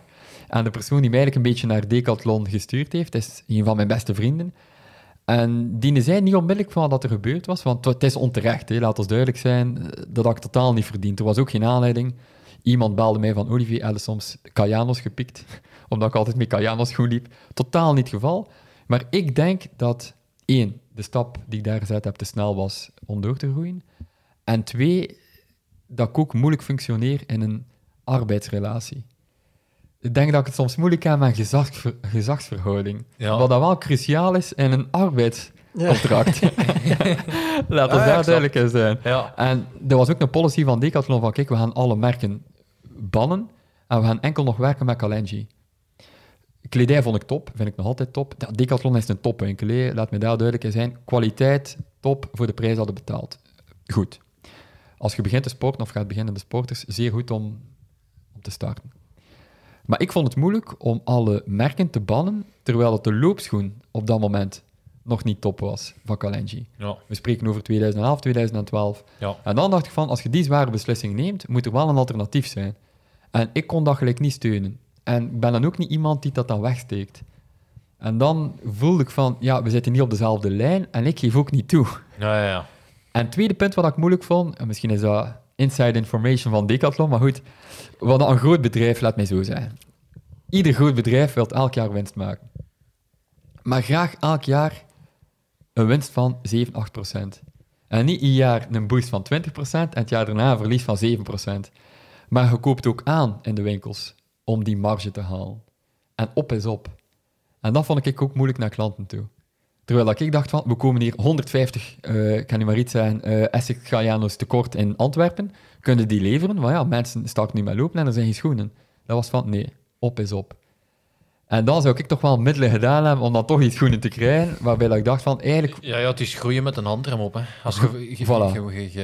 voelt- als, je, als voelt van hey, we kunnen hier veel meer doen, dat is niet nodig. Hè, want Dat is niet nodig. we zijn aan het groeien, dat is belangrijkste. En Ja. ik dacht, weet je, we gaan erover. Bam, 20% groeien. En het jaar daarna zien we wel, misschien weer 10%. The sky is the limit. Maar in zo'n grote boot, snap ik ook, werkt het zo niet. En toen had ik mijn ontslag gekregen in 2014. En dan ben ik zelfstandig geworden. Einde van de relatie. Een kantelpunt, hè. Dus Oké. niet gelukkig en niet weten welke richting dat ik uit moest. En dat was van, ja, misschien kan ik mijn ei kwijt in, In die Spartathlon. in die Spartathlon. En eigenlijk iets meer dan, dan het gewone leven, laat het mij zo zijn. Dat was zo'n vlucht in, wat dat hij zei, Bobby, het leven ernaast, dat moet er niets. Hè. In een training van 50 kilometer, het enige wat ik toen moest doen, was die 50 kilometer training afwerken. En ik was ook alleen, hè. Het grote verschil met nu, toen was ik uitgerust na een training. Ja. Nu is het opeenstapeling van, ja, het kantoor is gegroeid, eh, hoe ben je getrouwd, er zijn een kindje en een pluskindje. Dat is niet meer te vergelijken met het luxe leventje dat ik toen had. ja. Maar En- achteraf bekeken het juist het moment om het te doen. Hè. En eh liegt u ei daar dan, of eh zijn het kwijtgeraakt? Dat is ook zo'n moeilijke nee, eigenlijk. Ik had gedacht van, als ik dat nu doe Ja. en ik kan dat volbrengen, dan stop ik met lopen en zoek ik iets anders. Ik, ben wel, ik sport enorm graag. En dan dacht ik van, er zijn nog leuke sporten. Hè. Misschien moet ik me een keer toeleggen op fietsen. Ik denk dat ik misschien meer een fietser ben dan een loper. Ik ben nogal iets kleiner, geblokte been, echt spieren in mijn been. Maar ik moet dat niet zijn ook, want ik heb het ook nooit gedaan. Dus het is maar iets dat ik denk. En dat was zo van, misschien moet ik me daarop toeleggen. Maar eigenlijk... Goh, ja, je denkt dat het verandert als je zoiets gedaan hebt, maar eigenlijk blijft het nog altijd wie dat is uit, hoor. Dus, dus dat was gedaan en ik liep graag. En dan dacht ik van, goh, ik kan nog nooit een marathon gelopen onder de drie uur. Als ik dat nu nog kan, maar dan is het gedaan. En dan liep ik Antwerpen, vijf, zes maanden daarna, en dan loop ik 2,56. En dan denk ik van, ja, maar 2,56, dat was niet de perfecte voorbereiding. hè. Misschien kan ik daar toch nog wel een minuut van. En dan, ja, ondertussen zijn we van 2016 tot op vandaag. En ja, ik doe nu terug een rood doel. Ja. Dus eigenlijk is het nooit weg geweest. Ehm, je zei daarnet ook, eh, we moeten niet te gewichtig doen over het lopen. Je hebt daar wel een boek over geschreven. Ja, Hoe moet, hoe moet ik dat, hoe, moet ik, hoe, hoe kwam dat in dat verhaal? ehm? ja. Eigenlijk was het bij de start, vrienden van mij gingen altijd naar de voetbal, die zeiden van, Olivier, de Spartathlon, dat is al, allee, waar zijn jij nu eigenlijk mee bezig, man? ja. Allee, vroeger waren we een plezante, dronk de pintjes op de voetbal, je ging als laatste naar huis, en nu, of je komt niet, of je drinkt cola zero. Ik bedoel, de fun is er een klein beetje af, voor een wedstrijd dat binnen twee jaar is. In Ja. 2014 zeiden ze van, waarom kunnen we nu geen pintje drinken als je wedstrijd binnen twee jaar is? En dan dacht ik van, ja, eigenlijk alles wat ik nu doe, moet ik wel een keer kunnen uitleggen aan mijn kinderen later. En dan dacht ik van, weet je wat ik ga doen? Ik ga een dagboek bijhouden. ja. Dan kunnen mijn kinderen later lezen wat ik gedaan heb. Dan kan ik ook terugblikken later van, hoe is het eigenlijk geweest? En waar kan ik zien waar dat er een kantelpunt geweest is in de een of de andere richting?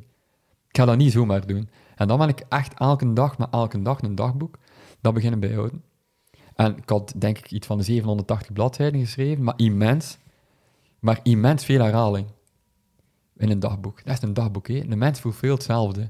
Ja. En ik voel ook van heel veel mensen zijn gelijk hoor. Dat is echt, eh, niet dat in een boek uitgekomen is ook, heel veel mensen twijfelen.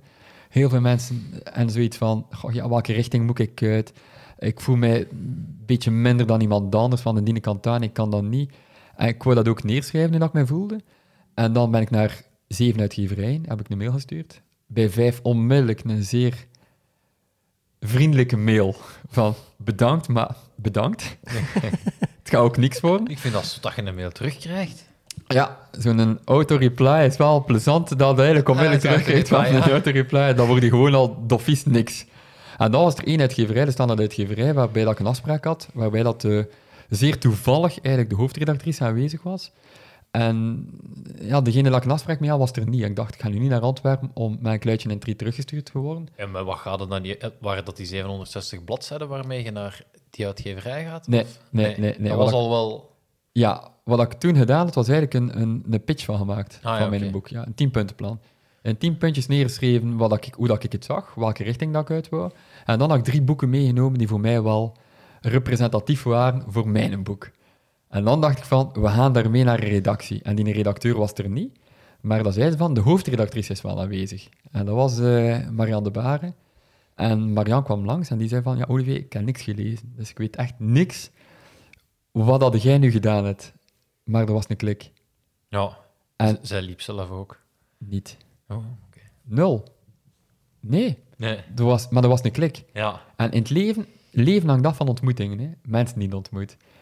Die ervoor zorgen, er gaat nooit iemand hier aan mijn deur en geeft dan twee, komen aanbellen en zeggen van Olivier, wij hebben iets voor u. Je moet het zelf doen. Je moet zelf buiten komen, dingen ondernemen, waardoor dat de mensen ontmoet, waardoor dan de zaken gebeuren in het leven. En dat was zo'n moment, een geluksmoment. En zij zei van, "Goh, ja, die drie boeken die je bij hebt, je tienpuntenplan die je neergeschreven hebt, ik voel het wel, dat er iets mee te doen is. ja. En dan ben ik blijven vastbijten in mijn vastberadenheid van die boek komt er. Maar dan heeft het nog twee jaar geduurd. Hè.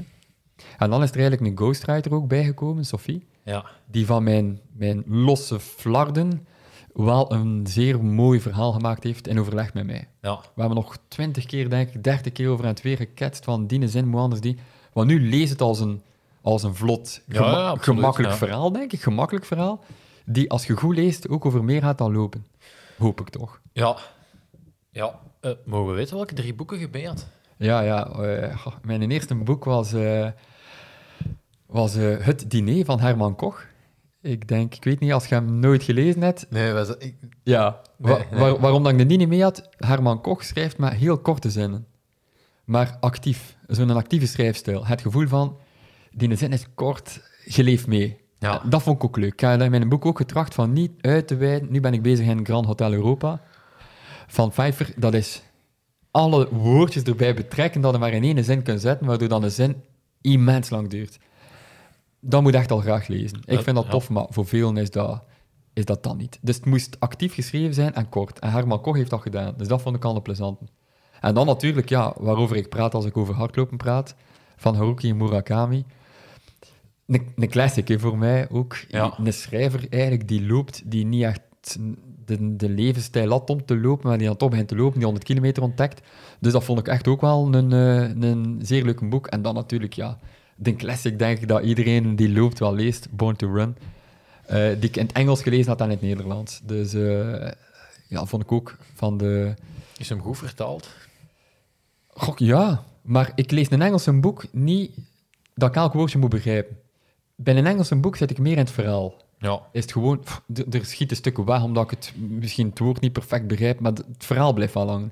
In een Nederlandstalig boek zijn de woorden wel belangrijk. Dat ik soms denk van, ja, dat, Moet je, ja, ja, tuurlijk. dat, voelde dat dat niet geschreven is door een, door een Nederland. Dus dan is het soms leuk om hem in het Engels te lezen, zonder dat je echt alles perfect moet mee hebben. Ja. Ja, maar dus die drie boeken had ik, had ik bij. En waardoor dat Marianne geloofde in het verhaal en uiteindelijk, ja, uiteindelijk is het, was het een beetje een afweging, hè, want, want mijn liefdesrelatie lukte niet echt goed. Dat staat erin, maar niet echt overheersend. Er staan twee bladzijden over mijn vader, eh, die een alcoholprobleem heeft, die eigenlijk ook wel een beetje een trigger waren om zo'n zaken te doen. Maar het is niet een boek geworden, mijn vader en ik. Het is overal wel genuanceerd gebleven. Ja, ja ik, ik, heb hem, ik heb hem nog niet helemaal uitgelezen. ik ben, ben geen goede lezer. Ehm, maar wat, wat ik wel... Het is heel herkenbaar, denk ik, voor, voor mensen die, die sporten, die, die, die eh, ja, ook ergens naartoe werken. Omdat het gaat ook heel vaak over... Ja, zoals je daarnet beschreef, oh, ik hoop dat ik niet wakker word met hoofdpijn of met... Zo, die, die, die kleine dingetjes dat, dat iedereen wel, wel, wel heeft. En ehm, voor mij was het... ehm, ik moet, moet zien dat dat, dat ik niet arrogant overkom of zo, maar ehm, bij mij is dat heel lang geleden dat ik, dat ik, eh, dat ik geen 10 kilometer of zo, dat dat, dat, dat, eh, dat dat moeilijk was om dat te lopen. En bij u begi- begint het daar wel, hè, dat dat inderdaad, hè, bij, de, bij de voetbal. En ja, ik, ik ben daar zodanig van vreemd. En mijn vrienden ook, ja, die, ik denk dat al mijn vrienden, als ik die bel en zeg, hey, we gaan morgen een marathon lopen, die, die, die kunnen dat. Hè. Ja, ja. Ehm, en dat was, dat was voor mij wel, wel heel allee, ja, fascinerend ook om te zien van... hey, je- omdat ik, je, je weet ook dat je de Spartathlon gaat lopen en je begint ergens en je denkt... Amai, ja, oké. Ik was al vergeten dat, er, dat, niet iedereen eh, elke dag 15 kilometer gaat lopen. Ehm, en dat, dat, dat, vind ik er, dat vind ik er heel tof aan om, om te lezen, hoe dat je progressie maakt, maar hoe dat je er ook wel echt voor gaat. Eh, daar, daarmee snap ik ook helemaal uw, uw vergelijking met Koen Hart en zo, inderdaad. Eh Koen loopt sneller, maar het is, je, je gaat er ook wel voor. hè. Ja. En dat, is- dat, is, dat, dat is heel leuk om... eh, Maar bij, bij het begin van het boek was van, wie is nu mijn doelpubliek? Eh, maar dat is nu allemaal zozeer vrijblijvend, maar mensen die mij kennen weten ook dat ik daar achter de schermen ook wel hard voor werk, voor die in een boek ook. Hè. ja, ja, je krijgt niet zomaar een boek op Nee. tafel. Hè. En ook niet kleurenfoto's erbij, ook niet de coverfoto, ook niet... Allee, al de zaken die erbij komen, lettertype, eh, allee, over alles is er wel zwaar nagedacht. En het verhaal was eigenlijk voor iemand aan te zetten, of kijk, als ik nu die in afstand kan, dan zou, zullen misschien toch wel een keer de inspanning moeten doen om te beginnen sporten. Allee, lopen of iets anders, maar een keer iets beginnen doen met je leven. Eh, Soms moet ik je de vraag stellen, hoeveel zomers heb ik nog? Hè? Weet Mhm. Het leven schiet voorbij en mensen doen niks. Behalve soms vind ik dan zo kankeren op iemand die iets doet. Dan denk ik van al die energie dat het daarin steekt, doe zelf iets. Ik heb geen tijd om te kankeren op iemand. want, eh, Ik ben met 10.000 dingen altijd bezig. Mijn vriendin zegt van, in je hoofd schieten er 10.000 dingen altijd, dat is waar. Ik ben met zaken bezig wat ik graag doe, waardoor dat ik weinig tijd heb om te kijken van, ja, maar, maar wij zijn niet bezig, of hoe doet hij het? Goed, gaat er vooral ook voor, doe wat je zelf graag doet, want ik doe dat ook. En dan dacht ik in mijn boek, wie is mijn doelpubliek? En dat was eigenlijk mensen daartoe aanzetten. Maar wat ik dan wel aangenaam van verrast was, dat mensen, zoals, we zijn niet arrogant hebben, dat is mensen gelijk u, die gewoon... Ik vind dat geen arrogantie, omdat er ook veel voor doet. Weet je, je leeft er al zo lang voor die sport, je doet dat ook vaak, je bent er ook goed in, dan mag dat ook gezegd worden. Maar ik had niet gedacht dat dat type sporters ook mijn boek gingen lezen. En als ik bijvoorbeeld Manuela in mijn boek zitten, waarvan dat ik denk van, amai, Ja, even slikken, dat ik denk van, amai, Manuela met mijn boek in één beeld, dat is leuk. Nina, die dan ook mijn boek leest, en ja, dat geeft dan zo het gevoel van, amai, Nina stuurt dan zelfs een berichtje naar mij, die zei van, Olivier, allee, het is vooral je doorzettingsvermogen. Ik loop op een ander niveau, maar er komt ook een moment dat het bij mij niet meer gaat, net zoals dat dat voor mij is, en dan is het wel leuk om te lezen hoe dat hij daarmee omgaat. En daar halen ze een aantal zaken uit, vooral psychologisch, het mentale, waarbij dat ik niet gedacht had dat dat ook nog een dergelijk doelpubliek ging aanspreken. ja. Ik had gehoopt, er waren denk ik 2500 stuks van gedrukt, ik had gewoon gehoopt van, dan die verkocht gaan raken. Op een dag dacht ik van, iedereen wil dat lezen, maar echt, iedereen. En andere dagen dacht ik van, wie ligt er nu wakker van Olivier Verhagen, het Zomerhem, een boekhouder, een doorsnee Vlaming, die een wedstrijd loopt. Maar ondertussen is hij meer dan 4000 keer verkocht, Amai. wordt hij ongelooflijk veel doorgegeven, en vind ik het wel leuk. Ja, En vooral mensen die mij een berichtje sturen van Olivier, dankzij u heb ik nu toch een keer de marathon gelopen. Of dankzij u heb ik die 100 kilometer gelopen. Joris Beaumont, die kan ik een keer vermelden, die stuurde begin 2019, denk ik, een, mailje naar mij en zei van Olivier, eh, ik heb via via van uw boek gehoord en van de prestatie die je gedaan hebt, de Spartathlon. Wauw, daar kijk ik naar op. Eh, ik zou wel graag een keer samen zitten met u. En ik dacht, ja, kijk ik naar op. Ja, oké. Jij liep het ook. Leuk, we gaan een keer samen zitten. En ik voelde wel van, er zit er wel iets in. En ik kwam bij mij en hij van, Olivier, uiteindelijk zou het ook wel mijn doel zijn. Kunnen we daar niet op een of andere manier een keer samen naartoe werken? En ik dacht, ja, we gaan dat samen doen. En Joris begon te lopen en hij liep eigenlijk bijna geen wedstrijden. En hij zei van, oh, ik ga je de halve marathon ook eh, lopen van deze Belém, een uur 18. We gaan een marathon lopen, 2 uur 37. En dan beginnen te denken, eigenlijk, hetgeen wat ik doe, geeft dat aan een goede loper gelijk Joris. En die een toon prestatie waarvan dat denkt, kijk, zijn 100 kilometer nu ook in 6 uur 58, dat het denkt van, amai, echt, echt een zeer goede loper. Maar hij doet hetzelfde dan mij, behalve op een ander niveau. Ja, ja, en tuurlijk. dat, dat vond ik dan leuk, dat ik dan mijn ervaring kan doorgeven aan iemand wel met looptalent, waarbij dat hij ongelooflijk leuke, mooie dingen laat zien, waarbij dat ik denk van, kijk, dat is wel, dat is nice. Dat ik iemand Ja. kan helpen met zo'n zaken, vind ik plezant. Ja, je mocht, als ik het vergelijk met, met de hel van Kasterlee bijvoorbeeld, ehm, ik, vind dat heel leuk om achteraf ook de verhalen van, van, van, van iedereen, iedereen heeft een dag meegemaakt en zo, maar heel veel mensen vergeten ook wel, alles wat dat die vertellen, ik heb dat ook meegemaakt. hè.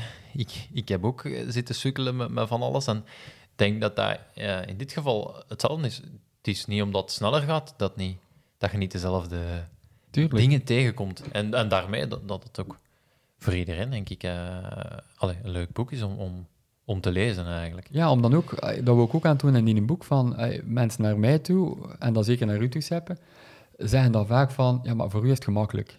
Allee, jij bent een loper. Voor u is het, allee, voor mij, dat is, dat is niet evident hoor, voor mij, want daar en daar, en mijn knie spreekt een beetje, en daar en daar. Dan denk ik, ja, maar voor mij is het ook niet evident. Hè? En, Nee, voor, en voor een, voor een Koenaert die gans zijn leven in functie zet van, de, van die training, Ja. is het zeker niet evident. Want die moet dan nog zijn broodwinning daarvan hebben. Allee, ja, Ja, ja, het komt niet vanzelf. Hè? Nee, nee, nee, nee. Als je naar tv zit te kijken en je zegt van ik ben een ongelooflijke fan van Greg van Avermaat bijvoorbeeld. Ja, er zijn daar toptalenten opgestaan. Greg wint niet meer, maar ja, Greg doet er 100% alles voor. Dat is een coureur om naar op te kijken. En dan zeggen mensen van, allee, kom aan, doe een keer door of doe nog een keer. Ja, dan denk ik, ja, mocht Greg... Allee, hij is- wil winnen. Ja, ja. Het is niet dat hij niet wil. Ten eerste in een Ronde van Vlaanderen. Hè. Ik bedoel, maar dat komt niet op een presenteerblaadje. Hè. Niets Ja. wat dat het doet is, heb, als jij nu zegt van ik loop vlot een marathon, ik denk als je jaar niets mocht doen, dat daarna weer niet meer evident is hè, om het te Nee, doen. nee, tuurlijk. En dat vergeten mensen soms. Ja, dat ze zeggen, voor mij, voor mij is het Calimero. Hè. Voor mij is het echt zeer moeilijk, want ik ben geen sport. Maar voor u? Oh, Ja, nee, nee, klopt, klopt. Heel Ja. herkenbaar, ja. ja, hè. Ja. En dat blijkt ook wel, denk ik, uit een boek. Ja. In de hel krijg ik vaak het verwijt van, "Ja, maar het was uw weer vandaag. En dan denk ik, maar dit, dit, is niemand zijn weer. Dat doet niemand graag. Hè. Het is voor mij ook koud. Het is net, net zoals voor Koen ook 42 kilometer lopen is. Het is niet voor hem iets korter of zo. hè. Nee, ja, voor u is het ook moeilijk, omdat je start als favoriet, als topfavoriet. Dus dan, dan, Ja. dan is het ook al een andere insteek. Hè. Dan Ja. weten van, oké, ik moet er nu wel staan. Wat is in mijn hel? En die mentale druk komt er dan nog een keer bij. Ja, nee, dat is waar. Dat is waar. Ja. Ehm, je, uw titel is ook wel heel goed gekozen. Ehm, ik kreeg de boek als kerstcadeau. En mijn zus is eh, eh, ja, leerkracht Nederlands. Die, die is een, direct een klein kanttekeningje. Is dat geen contaminatie? Ja, ja, ja. ja. Oh, Maar Ja. ze heeft het voor mij opgezocht en het blijkt aanvaard als Vlaamse standaardtaal. ja. Maar het is, wel, het is ook wel een titel die direct, hè, het hoofd weegt zwaarder dan de benen. Het, het spreekt wel. Ja, ja. ja daar, heb ik, daar heb ik een aantal zaken van gekregen hoor. Maar degene die, die het boek en, en de titel ook. De titel komt eigenlijk van Marian. En eh, die het boek geschreven heeft ook. Het is uitgekomen bij de standaard uitgeverij. Dus een, een, een taalfout, zeker niet in een titel, zou al niet kunnen. Nee. Maar er is ook zo geen taalwet die zegt dat dat een taalfout is. Maar ik heb wel heel veel berichtjes gekregen hoor. Nou ja, oké. Maar heel veel, hè. En dat ik denk van, dat is nu de, de 87ste die mij nu stuurt van, ja, is niet het hoofd, is zwaarder dan, dan denk ik van, ja, er bestaat geen taalwet die daar een taalfout in ziet. En ook als je het uitspreekt, of hoe dat hij bekt, klopt het ook wel, hè. Ja, ja, Het hoofd weegt zwaarder dan de benen. Dus ja, uiteindelijk was het van nooit een issue geweest bij het uitbrengen van een boek. Tot op het moment dat hij uitkwam, dan er een aantal taalpuristen, en ook wel terecht natuurlijk, meenden dat het een fout was, maar het is dus geen fout. Het enige wat ik moeilijk vond, en nu nog altijd, dan wat ik hem nu zie liggen, is nu een tijdje geleden dat ik hem zie liggen heb, de ondertitel vond ik moeilijk. Waarom hardlopen gelukkig maakt. Ja, dat is Libella Flair. Hè. Dat vind ik zo... Zo'n goede hoofdtitel, en dan waarom hardlopen gelukkig maakt. Ik denk ook niet dat hardlopen gelukkig maakt. Gelukkig vind ik een veel te beladen woord voor mij. Ja. Gelukkig, ik voel me daar goed bij. Dat is wie dat ik ben. Ik heb dat nodig om, om te functioneren. Ik, ja, Dat is bijna zeggen dat iedereen die gaat lopen gelukkig zal zijn ja, ook. ja. En dan, dan heb je zo een verwachting van dat lopen van, kijk, nu ga ik gelukkig zijn. Of mensen die zeggen van, het gaat wel beter, en die die een runners high al had. Maar een runners high, laat ons ook eerlijk zijn, dat is niet iets dat je overvalt terwijl je aan het lopen bent. Vaak heb je het gevoel van, ja, het gaat nu goed. En ik ga dat meenemen, en het gaat goed.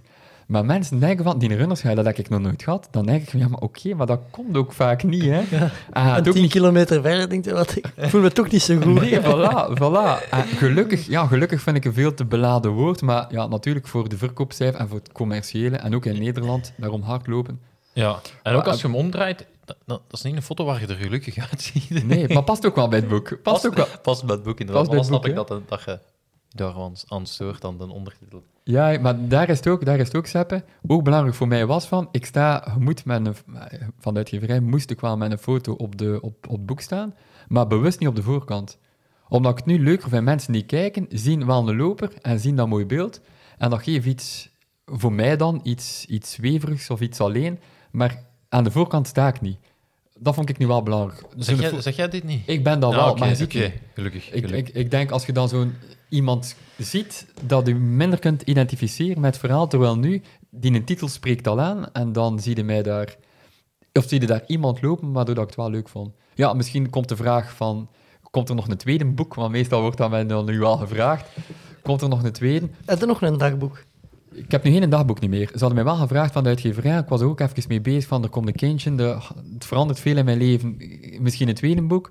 Maar ik heb nu niet het gevoel, Bobby, dat ik, dat ik een verhaal te vertellen heb.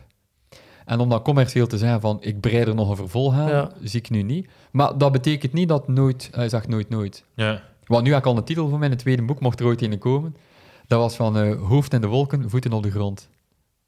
Vond ik nu wel een goeie. Dat. Omdat je moet dromen, hoofd in de wolken, maar wel voeten. Als je voet niet op de grond staat, loopt er geen meter. Ja. Hè? Als de taalpuristen ook al direct kunnen reageren nu, dan Voilà, kunnen, we, kunnen, we, kunnen we dan nu op voorhand kunnen die discussie.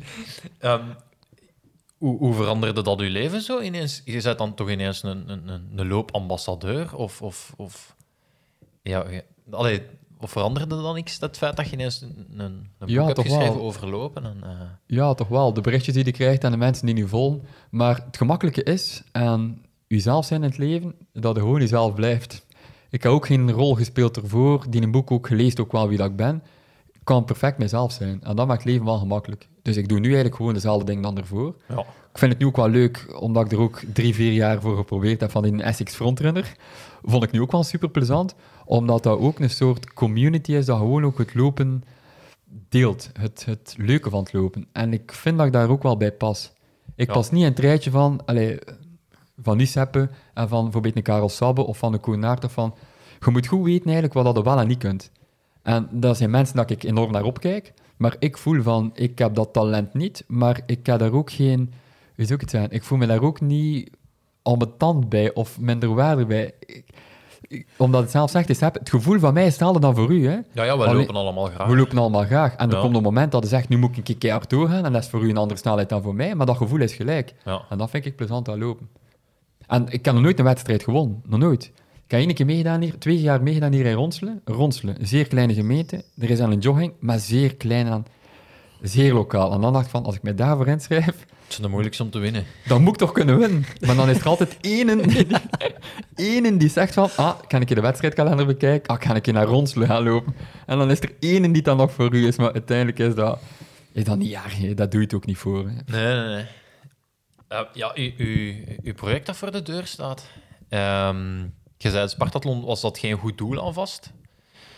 Nu gaat het zeven dagen lopen. Eh, en, en heb je voor een goed doel eh, ook gekozen om dat, er, dat, er, om dat te ondersteunen? Eh, ja, maak ons Pitch it, warm. ja. Ja, pitch it. maak Ja, ons- ja, ja, het was eigenlijk... Mijn, mijn initiële bedoeling was om het te doen voor Make-A-Wish. Ja. Omdat ik dacht van, ik ken nu zelf een kindje... eh, Het goede doel, Make-A-Wish, ligt wel in lijn met wat ik nu eh, ga doen. Maar ja, die plannen zijn eigenlijk serieus bijgestuurd doorheen het jaar. Eigenlijk mijn initiële bedoeling was om te lopen de GR5A. West- en Oost-Vlaanderen, iets van de 500, ik wilde vanaf zijn, 570 kilometer, denk ik. En ik had dat al uitgewerkt en de dame van de uitgeverij ook gecontacteerd, Marianne. Dat ik nog altijd goed contact mee heb. Ja. En die zei van, we kunnen daar wel meer mee doen, Olivier. Als je loopt door, door Oost- en West-Vlaanderen, we gaan daar misschien iets, iets kunnen aan koppelen. Kan ik eens samen zitten met de manager van Wim Opbroek. En dus wij zijn eigenlijk Wim Opbroek erbij betrokken. En Wim zei van, eh, goh, eigenlijk, nu, wat is er nu wel belangrijk voor een goed doel? Dat is eigenlijk de jongeren. Die zo'n moeilijk jaar had, kunnen niet doen wat ze wilden. Ik heb ook gestudeerd in Gent, ik vond dat een fantastische tijd. Maar als je niet kunt studeren in Gent en je moet thuis studeren, is dat niet dezelfde beleving als student. Dus dan hadden we zoiets van, "Goh, het is niet gemakkelijk voor jongeren. Dat zijn ook mensen die in twijfelen. Ik had het ook op mijn jonge leeftijd. Misschien moet we iets doen voor een jongerendoel. En dat is dan overkop geworden. Ja. En die hadden in, elk, in elke provincie een huis. En uiteindelijk was mijn GR5A in het water gevallen, waar mijn ex-trainer David Livio had plots het doel in september, gecommuniceerd op Facebook, en hij zei van, ik loop in november de GR5A. En ik dacht, ja, weet je, dat is mijn doel. Ja. Maar ik had dat nog niet gecommuniceerd. Dus ja, ik had dat dan een beetje moeten laten gaan. En dan hebben we zelf eigenlijk een ronde uitgestippeld doorheen de vijf provincies.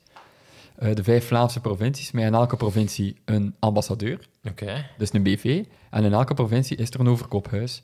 En nu gaan we geld ophalen voor de overkophuizen. Oké. Ja. En, de, en de, de ambassadeurs zijn ook wel leuk. Hè? Allee, ik heb ook niet om TV wie genomen. Bij Mobroek vond ik echt wel leuk voor West-Vlaanderen. Ja, Eh, je vertrekt in Oostende, hè, denk ik. Vertrek in Oostende. Ja.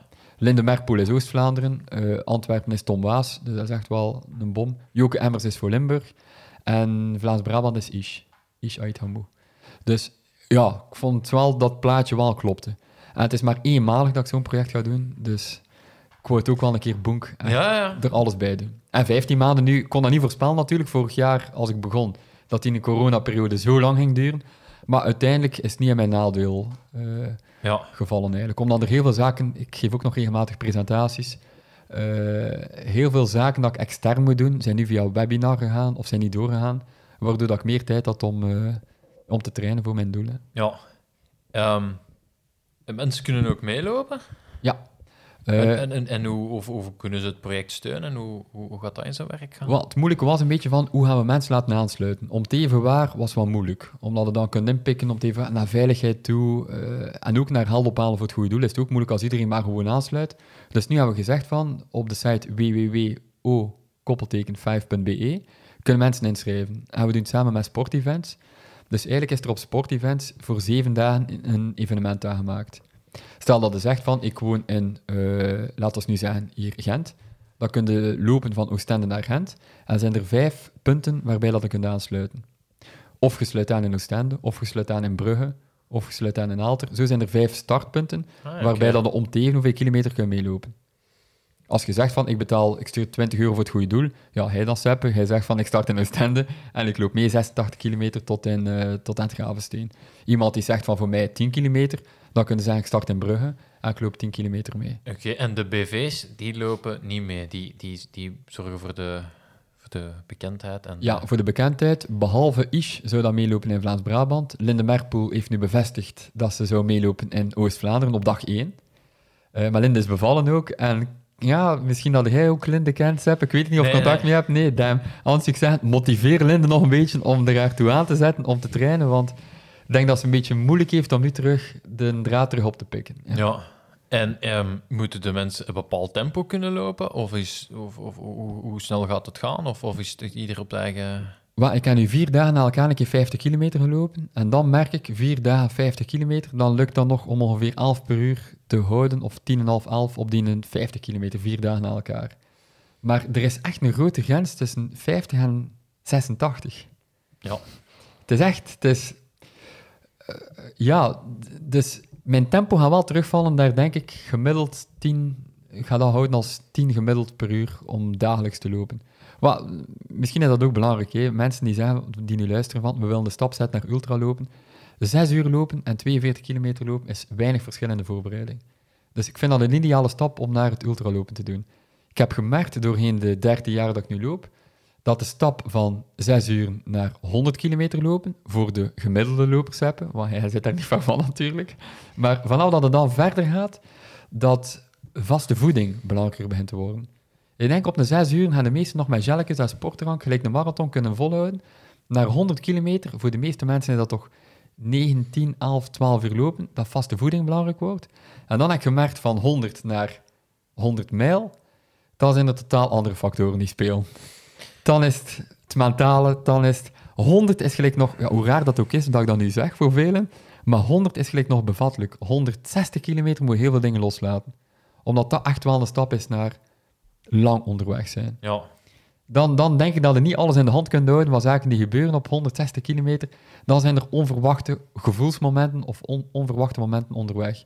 Maar voor mijn project nu heb ik gemerkt, ik zou perfect dagen na elkaar 50 kilometer kunnen lopen. Maar dagen na elkaar 86 is net iets anders, dus ik ga het tempo iets drukken Ja, en ik ga genoeg eten en drinken. Ja, dus neem gemiddeld 10 per uur dat ik ga lopen. ja. En, en zijn je daarop voorbereid dat iedereen gaat meelopen? En gaat, gaat, hoe, hoe, hoe zie je dat praktisch? Eh allee, gaat, gaat, iedereen, gaat er met iedereen babbelen? Gaat er, gaat er zin hebben om met iedereen te babbelen? Eh, Kan ik ene joker inzetten en duurt als die uitzending? Nee, nee, nee, het is wel waar. je kunt signalen afspreken dat je, eh, dat je niet aanspreekbaar bent, of dat je, ik weet niet, iets, iets, eh, iets uit je broek laat hangen, of zo, dat iedereen ziet, ja, nu moeten we even rust laten. Ja, misschien is dat nog wel geen slechte tip eigenlijk. Ja. Omdat, omdat de moeilijkheid is ook van, als je lang loopt, eh, ik loop ook één training in de week samen en voor de rest zes trainingen of zeven trainingen alleen. Ja, Dus ik loop ook zeer graag alleen. En vooral als je moe bent, is het leuker alleen. Maar nu wil ik het eigenlijk echt wel doen voor anderen. En heb ik gezegd van, ik ga mijn week engageren ook door gewoon er te zijn voor anderen ook. ja, Daarom dat ik het doel qua fysieke prestatie ook niet te scherp gezet heb, omdat ik dan denk van, dan moet ik het onderste uit de kan halen elke dag en is de fun factor volledig weg. ja, snap ik. Terwijl nu denk ik van, om de 50 kilometer stop ik, eet ik iets, drink ik iets. Mijn team gaat ook mee. Er zijn twee mensen die mij vast gaan volgen, twee beste vrienden. Dus het moet ook wel een leuke week worden. En ik heb nu eigenlijk wel gemerkt, eh, omdat ik, ken wel redelijk wat mensen, door het voetbal, door het werk, door andere zaken, door presentaties, door het boek, door, dat ik ongelooflijk leuke mensen ga tegenkomen onderweg, die ik lang niet gezien heb. Ja. Ja, we hebben, ik, heb, we hebben, ik heb de FKT gelopen van het Hageland. Geen 160, maar 159 kilometer. Ehm, en ehm, ja, ik had een live tracker, dus, en ook mensen die, die... Ik vond dat echt... Ik, ik train bijna altijd alleen, maar ik vond dat heel leuk dat er, dat er overal mensen stonden te wachten en mee aansloten. En ehm, dat maakte dat dat eigenlijk voorbij vloog. En eigenlijk, achteraf bekeken, was dat wat die een dag zo leuk maakte? Waren er mensen die, die, die tijd hadden gemaakt om met mij een stukje mee te lopen, die dat heel leuk vonden, dat ze Ja. eh, daar deel van uit konden maken? Ehm, en die, die, dat was ieder... Ja, sommigen hadden vragen voor mij, even hoe vertelde die zelf Ja. over, over hoe, wat ze liepen, wat ze deden. Hoe, echt, maar ik, ik, heb daar, eh, ik heb daar toen enorm van genoten. En ik had, er, ik had daar eerlijk gezegd, ja, ik had ook wel zoiets van... Ja, het- ze gaan wel moeten mee kunnen. Ik ga niet, eh, ik ga Nee. niet met tempo laten zakken. En, Ja. en ook, ja, je weet ook niet hoe, hoe aanspreekbaar ga je zijn eh, als je zo lang loopt. Maar dat was... dat is, ehm, allee, een, van de, allee, een van de schoonste dingen van die dag was eigenlijk die, de mensen die, die stonden te wachten en een stukje meeliepen. En wat ik wel graag doe, is eigenlijk om, om luisteren naar mensen. Ja, Zo levensverhaal. Mensen die iets te vertellen hebben. Ik vind dat leuk. Niet zo van, hoe is het? Goed. Oh. Eh, Ja, ik vind dat nog leuk als mensen een keer wat doorbabbelen. En dat is het moment om door te babbelen. Ja, Op het moment dat het samen loopt, kunnen we wel een keer over een aantal zaken babbelen. En ik hoop dat dat ook wel gaat gebeuren deze zomer. Zo'n soort week levenservaring. Dus da- daar kijk ik enorm naar uit. dag 4, aankomst Grote Markt Leuven. eh, dat, is, dat is bij ons. hè. Ja, Van Lommel naar Leuven, ja. Het enige wat ik nu hoop, en, en wat ik een beetje schrik voor had, ik heb er ongelooflijk veel tijd, want daar komt er ook veel bij kijken, tijd ingestoken achter de schermen, want er gebeurt ook niet voor niets. Het komt ook niet uit de lucht gevallen. Nee, nee, nee. Dus ik ben blij met alles wat er gebeurd is achter de schermen. Alleen de inschrijvingen zijn nog wat beperkt. Ik denk dat er momenteel misschien 7 of 28 mensen meelopen op een halve week. Dan denk ik van, goh, dat is wel spijtig dat het zo weinig is. Mensen moeten steunen. Allee, ik zou graag hebben dat mensen steunen. 20 euro, dat is leuk. Maar het zou ook leuk zijn voor mij als mensen inschrijven en meelopen. Dat zou voor mij, wat hij zegt heb, wel een boost zijn. Dat, dat Ja. er iemand aansluit of die een keer supportet of die iets doet. Maar misschien moet dat nog komen naar gelang dat het evenement dichter komt. Hè. Dat mensen wachten, wachten om in te schrijven, om dan pas op het einde erbij te zijn. Ja, ja, en de, de, de, de zorgclubluisteraars, die, eh, Ja, die gaan ja. eh, massaal inschrijven, hè, niet Bobby? Welke, welke laat ons hopen. Ja, dag 4 is, eh, is, Vlaams, aan- is, is, is Vlaams-Brabant. eh, Ja, een beetje aankomst onze-. Maar je start op... eh, welke datum starten? Het is eh, zondag 1 augustus, loop ik Ah, eigenlijk dus- Oostende-Gent. 4 augustus. 4 augustus. 4 augustus. In onze- Ja. Ja. En dan loop ik van Lommel.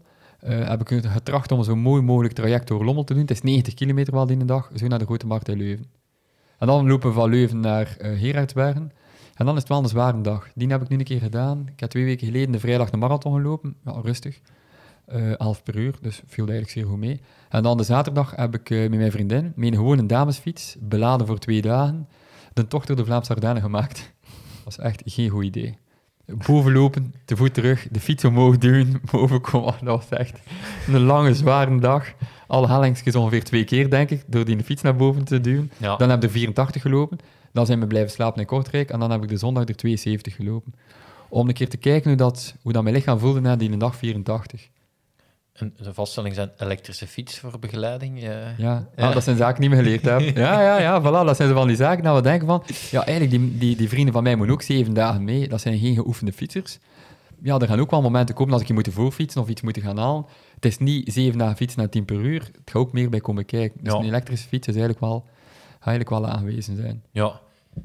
Wat heb je als, wat heb je als doel in je hoofd voor mensen dat meelopen? Of, of een bedrag dat je wilt binnenhalen? Of, of... Wat, ik had gezegd dat het leuk zou zijn mochten we 25.000 euro binnenhalen. Omdat er vijf huizen zijn, is ook gemakkelijk te delen door vijf. Ja. Dus dan dacht ik van, dat zou wel een zeer mooi budget zijn. Maar ik denk nu, ik heb de rekening bekeken, staat er denk ik 1470 euro op, denk ik. Dus dan denk ik van, die 25 wordt moeilijk. Maar we gaan zien, moeilijk is niet onmogelijk. Hè. Als er een partner nog aansluit die zegt van, ik wil er nog steunen of ik wil voor het goede doel eh, nog iets doen, zou wel leuk zijn. Ik heb ook wel vijf zeer goede sponsors. Waarbij dat Runnerslab bijvoorbeeld ook sponsor. Allee, ik, ik heb vijf echt wel Oh, je mocht ze vernoemen. Mag ik ze vernoemen? Ja, zeker. ja, Runnerslab is dan eh, sponsor. En dan eigenlijk twee belangrijke sponsors voor mij. Eh, Yuki is een online boekhoudpakket. En Xerius is een ondernemingsloket sociaal verzekeringsfonds. Omdat zij eigenlijk wel de mensen contacteren, de boekhouders. De profielen gelijk mij. Ja. Omdat een animo daar om te sporten niet zo echt groot is. We hebben een zittend beroep, heel veel deadlines. Eh, er is ook weinig tijd om te sporten. Dus dat vind ik leuk. Ja, dan is het Yuki, Xerius. Er gaat, En er, er gaat een, een, een, lopende boekhouder naar de Spelen. Hè. Dieter, Dieter, ja. Dieter hè. Ah, dat is nu wel echt ook een mooi voorbeeld. Ja. Wat een atleet eigenlijk trouwens. Die debuteert in 2010. Ja, fenomenaal. Ja. Enfin, ja, die was ik nog vergeten. Dat is wel is ook een boekhouder. Ja. Ongelooflijk, in 2010. Allee, hij debuteert. Ja, is wat. Ik hoop dat hij het goed doet ook. Belgisch Eh. kampioen met de boekhouders. ja. Ja, en ik dacht van... Belgisch record. Marathon. En ik dacht, bij de boekhouders ben ik toch een van de beter. Kijk, is nu weer iemand opgestaan. Sorry. Die mens veel beter is dan mij. Maar goed, en dan hebben we nog eh 6D. Voor de, wat, dat, Ah, ken ik niet. wat, wat dat mij ook wel zeer goed bevalt, zeker bij sportdrank. Maar dat is ook Absoluut. Persoonlijk, maar ook de recup en al, ik ben er zeer tevreden mee. En dan eigenlijk is het Essex Frontrunner die dan ook de zaken steunt. Dus op dat vlak ben ik ook wel blij. Ik heb ook wel getracht om de juiste partners te vinden. En eh, dat plaatje klopt nu ook. Dus eigenlijk zit alles goed om er van de zomer iets, iets Ja, ja, tuurlijk. leuks van te maken. En ik denk ook wel dat het een leuke week gaat worden. En naar sponsoring, ja, dan, dan moet ik wel een beetje loslaten, dus hebben. Ik moet me wel focussen op ik mijn doel halen. En ik kan wel trekken, trekken, trekken. Maar op een moment moet ik kunnen zeggen van, kijk, ik heb nu gedaan wat ik kon. En Ja. nu gaan we, ik denk nog, volgend weekend heb ik nog een zwaar weekend denken van drie op één volgende dagen. Ja, te rap taperen is ook geen goed idee voor mij. Ik had het Dat al wordt gemerkt. zot. Dat wordt zot. Dat wordt zot. En ook mijn lijf is dan te loom. Ik voel ook van, als ik te lang begin te wachten, is het, ik voel mij daar niet goed bij. Ja. Dus ik ga blijven trainen tot twee weken eigenlijk ervoor. En dan die laatste twee weken ga ik het gewoon wat kalmer aanpakken. Oké. En dan gaan we beginnen en dan zien we, ja, dan zien we wel. hè, ja. Die week gaat lukken. Hè. Daar ben ik echt, voor de Spartathlon ben ik daar ook 100% van overtuigd. Hè. Omdat ik er ook 100% heel lang voor leef. Ja. Dat is niet zeker wat dat hij ook zei, van, dat is niet zeker arrogantie bij mij ook niet.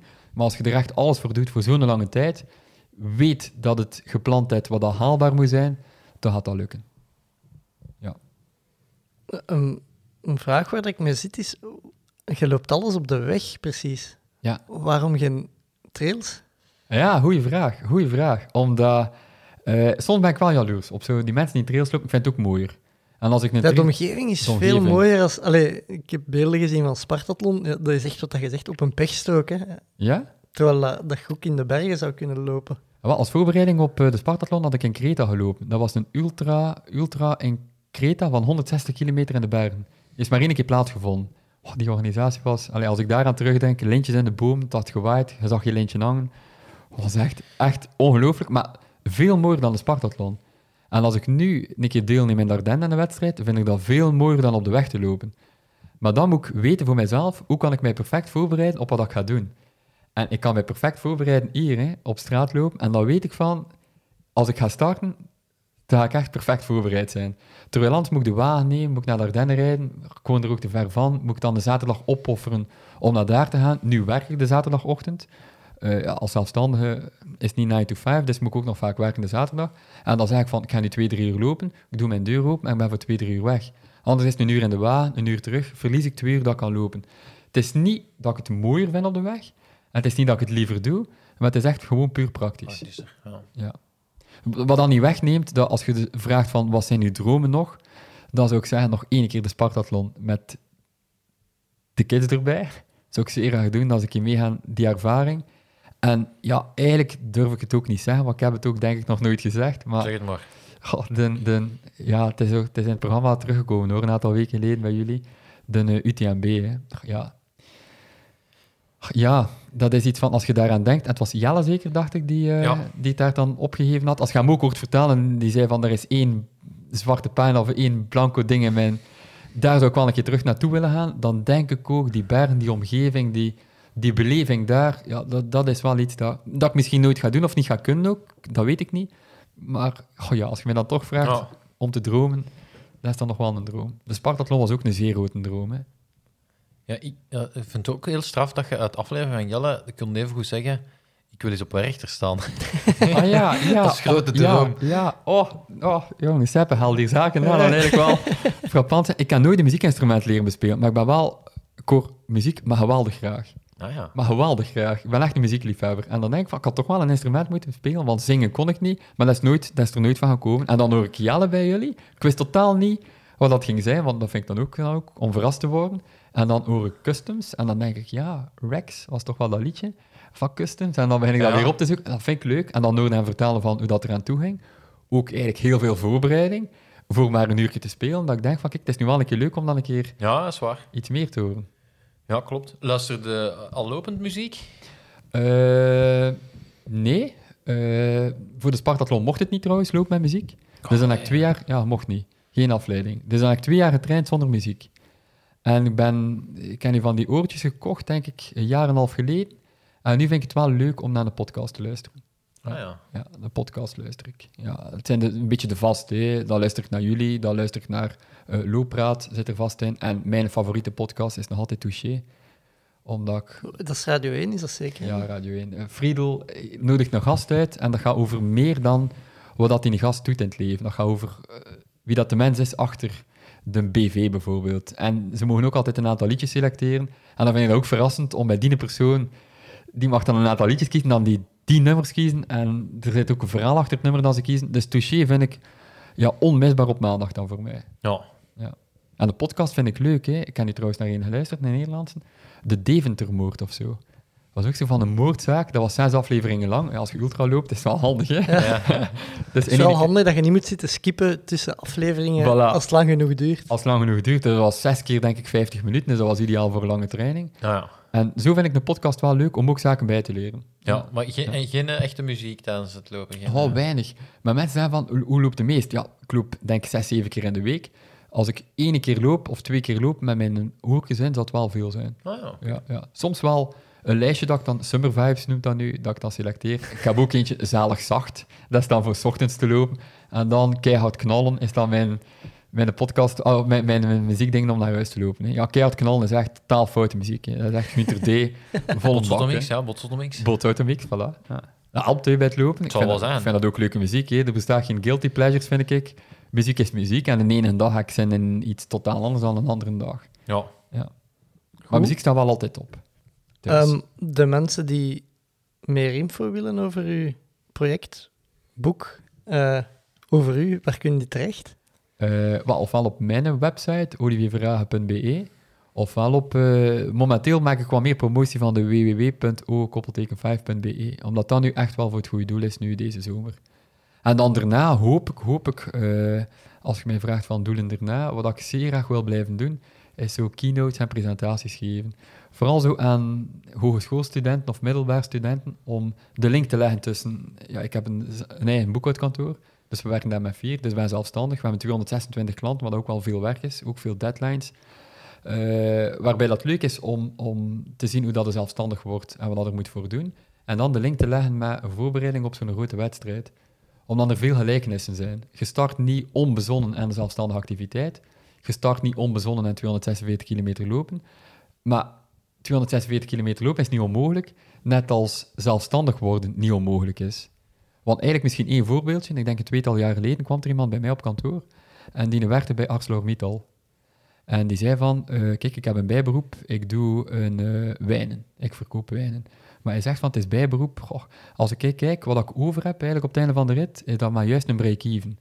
Hij zegt, om de sprong te maken naar hoofdberoep gaat dat niet lukken, want als je maar break-even draait, heeft het geen zin om mijn, om mijn werk op te offeren voor iets zeer onzeker, dat misschien niet winstgevend gaat zijn. Maar ik zie dat dan anders. Ik denk... Hoe meer tijd dat je daarin steekt, Voilà, het is bijberoep. Bij uw beroep. Nee, nee, dat moet hoofdberoep zijn, dat moet je beroep zijn. Dan kun je winkels, restaurants, cafés contacteren. En wat dat is zeer, want die was zeer gepassioneerd. Dus dan voelde van, als hij zo gepassioneerd is, gaat hij het ook goed doen, gaat hij het graag doen, gaat hij het veel doen. En dan groeide daarin verder. Twee jaar geleden zijn we daaraan begonnen, hij heeft een investeerder gevonden. Dus hij had kapitaal dan ook bij elkaar. En nu, dat is twee jaar dat hij niet meer voelt dat hij werkt. Hè. Hij Ja, doet dat enorm graag. Hè. ja. Ja. Zijn loon is niet meer wat hij had bij ArcelorMittal, maar dat geeft ook niet omdat hij voelt van, ik heb niet meer nodig, ik investeer terug in mijn zaak. En nu is het leuk, hè, een webshop, een winkelke, dingen erbij. Dat is dan de passie en een job die ik doe. Ja. Ja. ja, soms moet je gewoon springen. Hè. Soms moet je springen. Ja. Als je daar lang over nadenkt, heb je 246 kilometer lopen, schrijf je nooit in. Als je lang nee, als, je, nadenkt, als je daar op voorhand over nadenkt, moet er niet aan beginnen. moet er niet aan beginnen. Nee. Maar als je zeer lang nadenkt over een kind krijgen, krijg je ook geen kind, hè? Nee, nee, nee. Als je daar zeer lang over nadenkt, soms moet je springen. En dan achteraf denkt je van, kijk, mijn leven is moeilijker geworden, maar ook rijker. Ja. Heb je nog dingen die je wilt weten van Olivier? Nee, ik wil nog een handtekening hebben in mijn boek eh, straks. Zeer graag. Eigenlijk wil ik eerder een handtekening van u dan. No- nog dingen die je kwijt wilt, Olivier, bij ons? eh? Och, nee, nee, nee. Ik vond, eh, ik vond het aangenaam en, en, en leuk dat jullie de tijd genomen hebben om, om af te zakken hier naar, eh, naar Zomerhem. Eh, Ja, en ook, ik zag het project passeren, ik vond het echt wel allee, een- leuk initiatief. En eh, Ja. iets allee, dat we, denk ik, op deze manier onze, ons steentje een beetje reclame voor, voor willen maken. En eh, tof, ik, tof. hoop, allee, ik hoop dat er veel... En ik zal even ook wel in mijn agenda kijken wanneer je passeert bij ons om 4 augustus, hè? 4 augustus. Ja. Leuk. Ja. Ze- de afsluitende vraag. Ja. Is er een gast waarvan dat je zegt, die moeten zeker eens... eh, ja, ik weet dat jullie dat doen, hè. dus ik heb erover nagedacht. Hè. Ja, wel. Ik ben echt benieuwd. Ja, omdat eh, het is iemand die je niet gaat kennen, denk ik. Eh, ik ben... Mijn moeder heeft altijd... mijn moeder is iemand dat ik professioneel naar opkijk. Maar heeft altijd heel veel gewerkt. En zat minder tijd voor ons. Eh, ook een sprong gemaakt in een tijd om zelfstandig te worden. Eh, ja, een ongelooflijke knappe man op dat vlak. Maar natuurlijk, ik ben dan ook deels opgevoed bij een onthaalmoeder. En de man van mijn onthaalmoeder is iemand die jullie niet gaan zeggen, waarbij dat ik denk, dat is nu een keer zeer onterecht. Dus dat zou wel iemand zijn die in jullie de uitzending zou kunnen komen. Ik ga de naam nu onmiddellijk zeggen. Dat is Johan Geirnaert. Mocht er niemand zijn, ik ken die persoon, dat zou ik zeggen, wow, chapeau. Nee, Johan Geirnaert was vroeger, als ik daar was, altijd gaan lopen. Die was nooit thuis. En ik dacht van, allee, hij stelde daar weinig vragen bij, die moet ook wel graag lopen, of die moet toch op een niveau presteren waarvan dat hij denkt van, dat moet toch wel top zijn. Wel, die heeft eigenlijk in 1984 eh Belgisch kampioen geworden marathon, in een tijd van 2 uur 12. Oh. Ja, dus in die tijd. Karel Liesmond was denk ik een half minuutje tot 40 seconden rapper. Maar natuurlijk, dat is altijd zo bij iemand die ten beste is. Wie kent iedereen nu? Dat is Karel Liesmond. Wie kent er niemand nog? Dat is Johan Heirnaert. Ah, ja. Is naar de Olympische Spelen gegaan ook. Heeft altijd enorm veel te vertellen, Johan. Kent veel mensen. Ik denk dat je aan Johan één vraag moet stellen bij het begin van de podcast. En dat hij dan een uurtje doorgaat over wat hij allemaal meegemaakt heeft. Maar zeer mooie verhalen. Hè. Hij gaat dan naar Manila, denk ik. Hij wordt daar uitgenodigd om te lopen. Hij is een toploper. Wordt daar geklopt door een Spanjaard. Waarbij dat hij prijzengeld misloopt. En waarbij dat die Spanjaard vier maanden daarna beschuldigd wordt en betrapt wordt op doping. Dat hij denkt van, allee, in die tijd was doping niet zo zwaar gecontroleerd. Johan heeft het altijd eerlijk gedaan, maar heeft ook kansen en geld gemist om het Ja, op een eerlijke manier te doen. Wat dat Ja. zeer jammer is. In die tijd waren vooral Italianen en Spanjaarden die aan het spul zaten, laat mij zo zijn, waardoor dat veel kansen mist. Maar Johan is iemand die daar ongelooflijk kan over vertalen, die ongelooflijk veel zaken meegemaakt heeft, die van de generatie stem, eh, afstamt daar van Liesmond en zo. Dus dat was een gouden generatie lopers hè, toen. Ja, ja, zeker.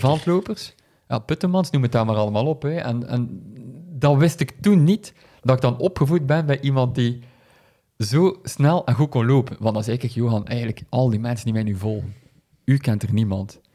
Ik liep, Ik liep op mijn snelste marathon 15 per uur. Jij 19,4. Ik kan dat niet houden, één ronde op een piste. Dat ik denk van, zijn die toch wel onderbelicht? Maar ja, dat is zo gegroeid. Het is ook een zeer bescheiden kerel. Het is ook iemand die nog, die nog altijd fanatiek fietst. Hij loopt niet meer. Maar dat blijft erin. Het was trouwens hij die een keer in een presentatie recht stond, tijdens mijn presentatie. En die zei van, kijk Olivier, eigenlijk, wat dat jij doet, chapeau. Want laat ons nu een keer een voorbeeld nemen. Wie is de grootste Belgische sporter? En dan in de zaal was zo van, ja, mensen mensen een keer na te denken. En dat was zo van, ja, Eddy Merckx. En dan zei Johan, maar mocht Eddy Merckx geen coureur geweest zijn, hij had wel gemaakt op een ander vlak in zijn leven. Omdat dat Merckx typeert ook, het is niet alleen zijn talent, maar ook zijn enorme gedrevenheid. Zijn, Ja, ja. Hij heeft ook een, fiets, een fietsmerk eh, uit de grond gestampt. Hè. het ging wel, hij ging het wel gemaakt hebben in het leven. Ja. Het gaat niet over wat dat doet, maar doe wat dat doet met gedrevenheid. Met die overtuiging. En dat wordt hij als statement maken van, kijk, Olivier is geen goede loper. Ik heb dat misschien al een paar keer gezegd nu. En mensen gaan zeggen van, ja, wat zegt hij nu weer? Maar dat klopt ook wel. Maar door die gedrevenheid bereikt hij zaken in het leven. En daar kan Johan ongelooflijk over vertellen. Heeft anekdotes van, ik ga er niet over uitweiden, ongelooflijk veel anekdotes, wat dat misschien wel een keer interessant kan zijn om zo iemand... Of al is het Karel er Liesmond, Ik hè. heb er al zin in. Ja, of al is Karel Liesmond, zo iemand uit die tijd. Ik wil ook wel weten, ze kregen al een wasmachine als ze een wedstrijd won. Allee, dat is... Ja, ik vind dat wel leuk om terug te blikken naar die tijd. Dus. Johan Heernaert. Als ik Is dat genoteerd? Voilà. Eh, Olivier, dikke merci voor uw tijd. Zeer graag gedaan. Seppe, merci om mee te komen tot in Zomergem. Zomer, Deze was het voor mij voor deze week. Tot volgende week. Willen ze niet of willen ze niet? Doen we het of doen we het niet? Tommeke, Tommeke, Tommeke, wat doe je nu? Tom Bonne gaat wereldkampioen worden. Hij rijdt 5 per uur. Te snel voor ons. Fred gaat. En nog Fred. Jeff doen is iets. Jeff! Wat is er mis met Dumoulin? Hollands poepen. Hij heeft diarree. Don't stand on my dog or I cut your head off. Daar is hem, daar is hem. Daar is hem.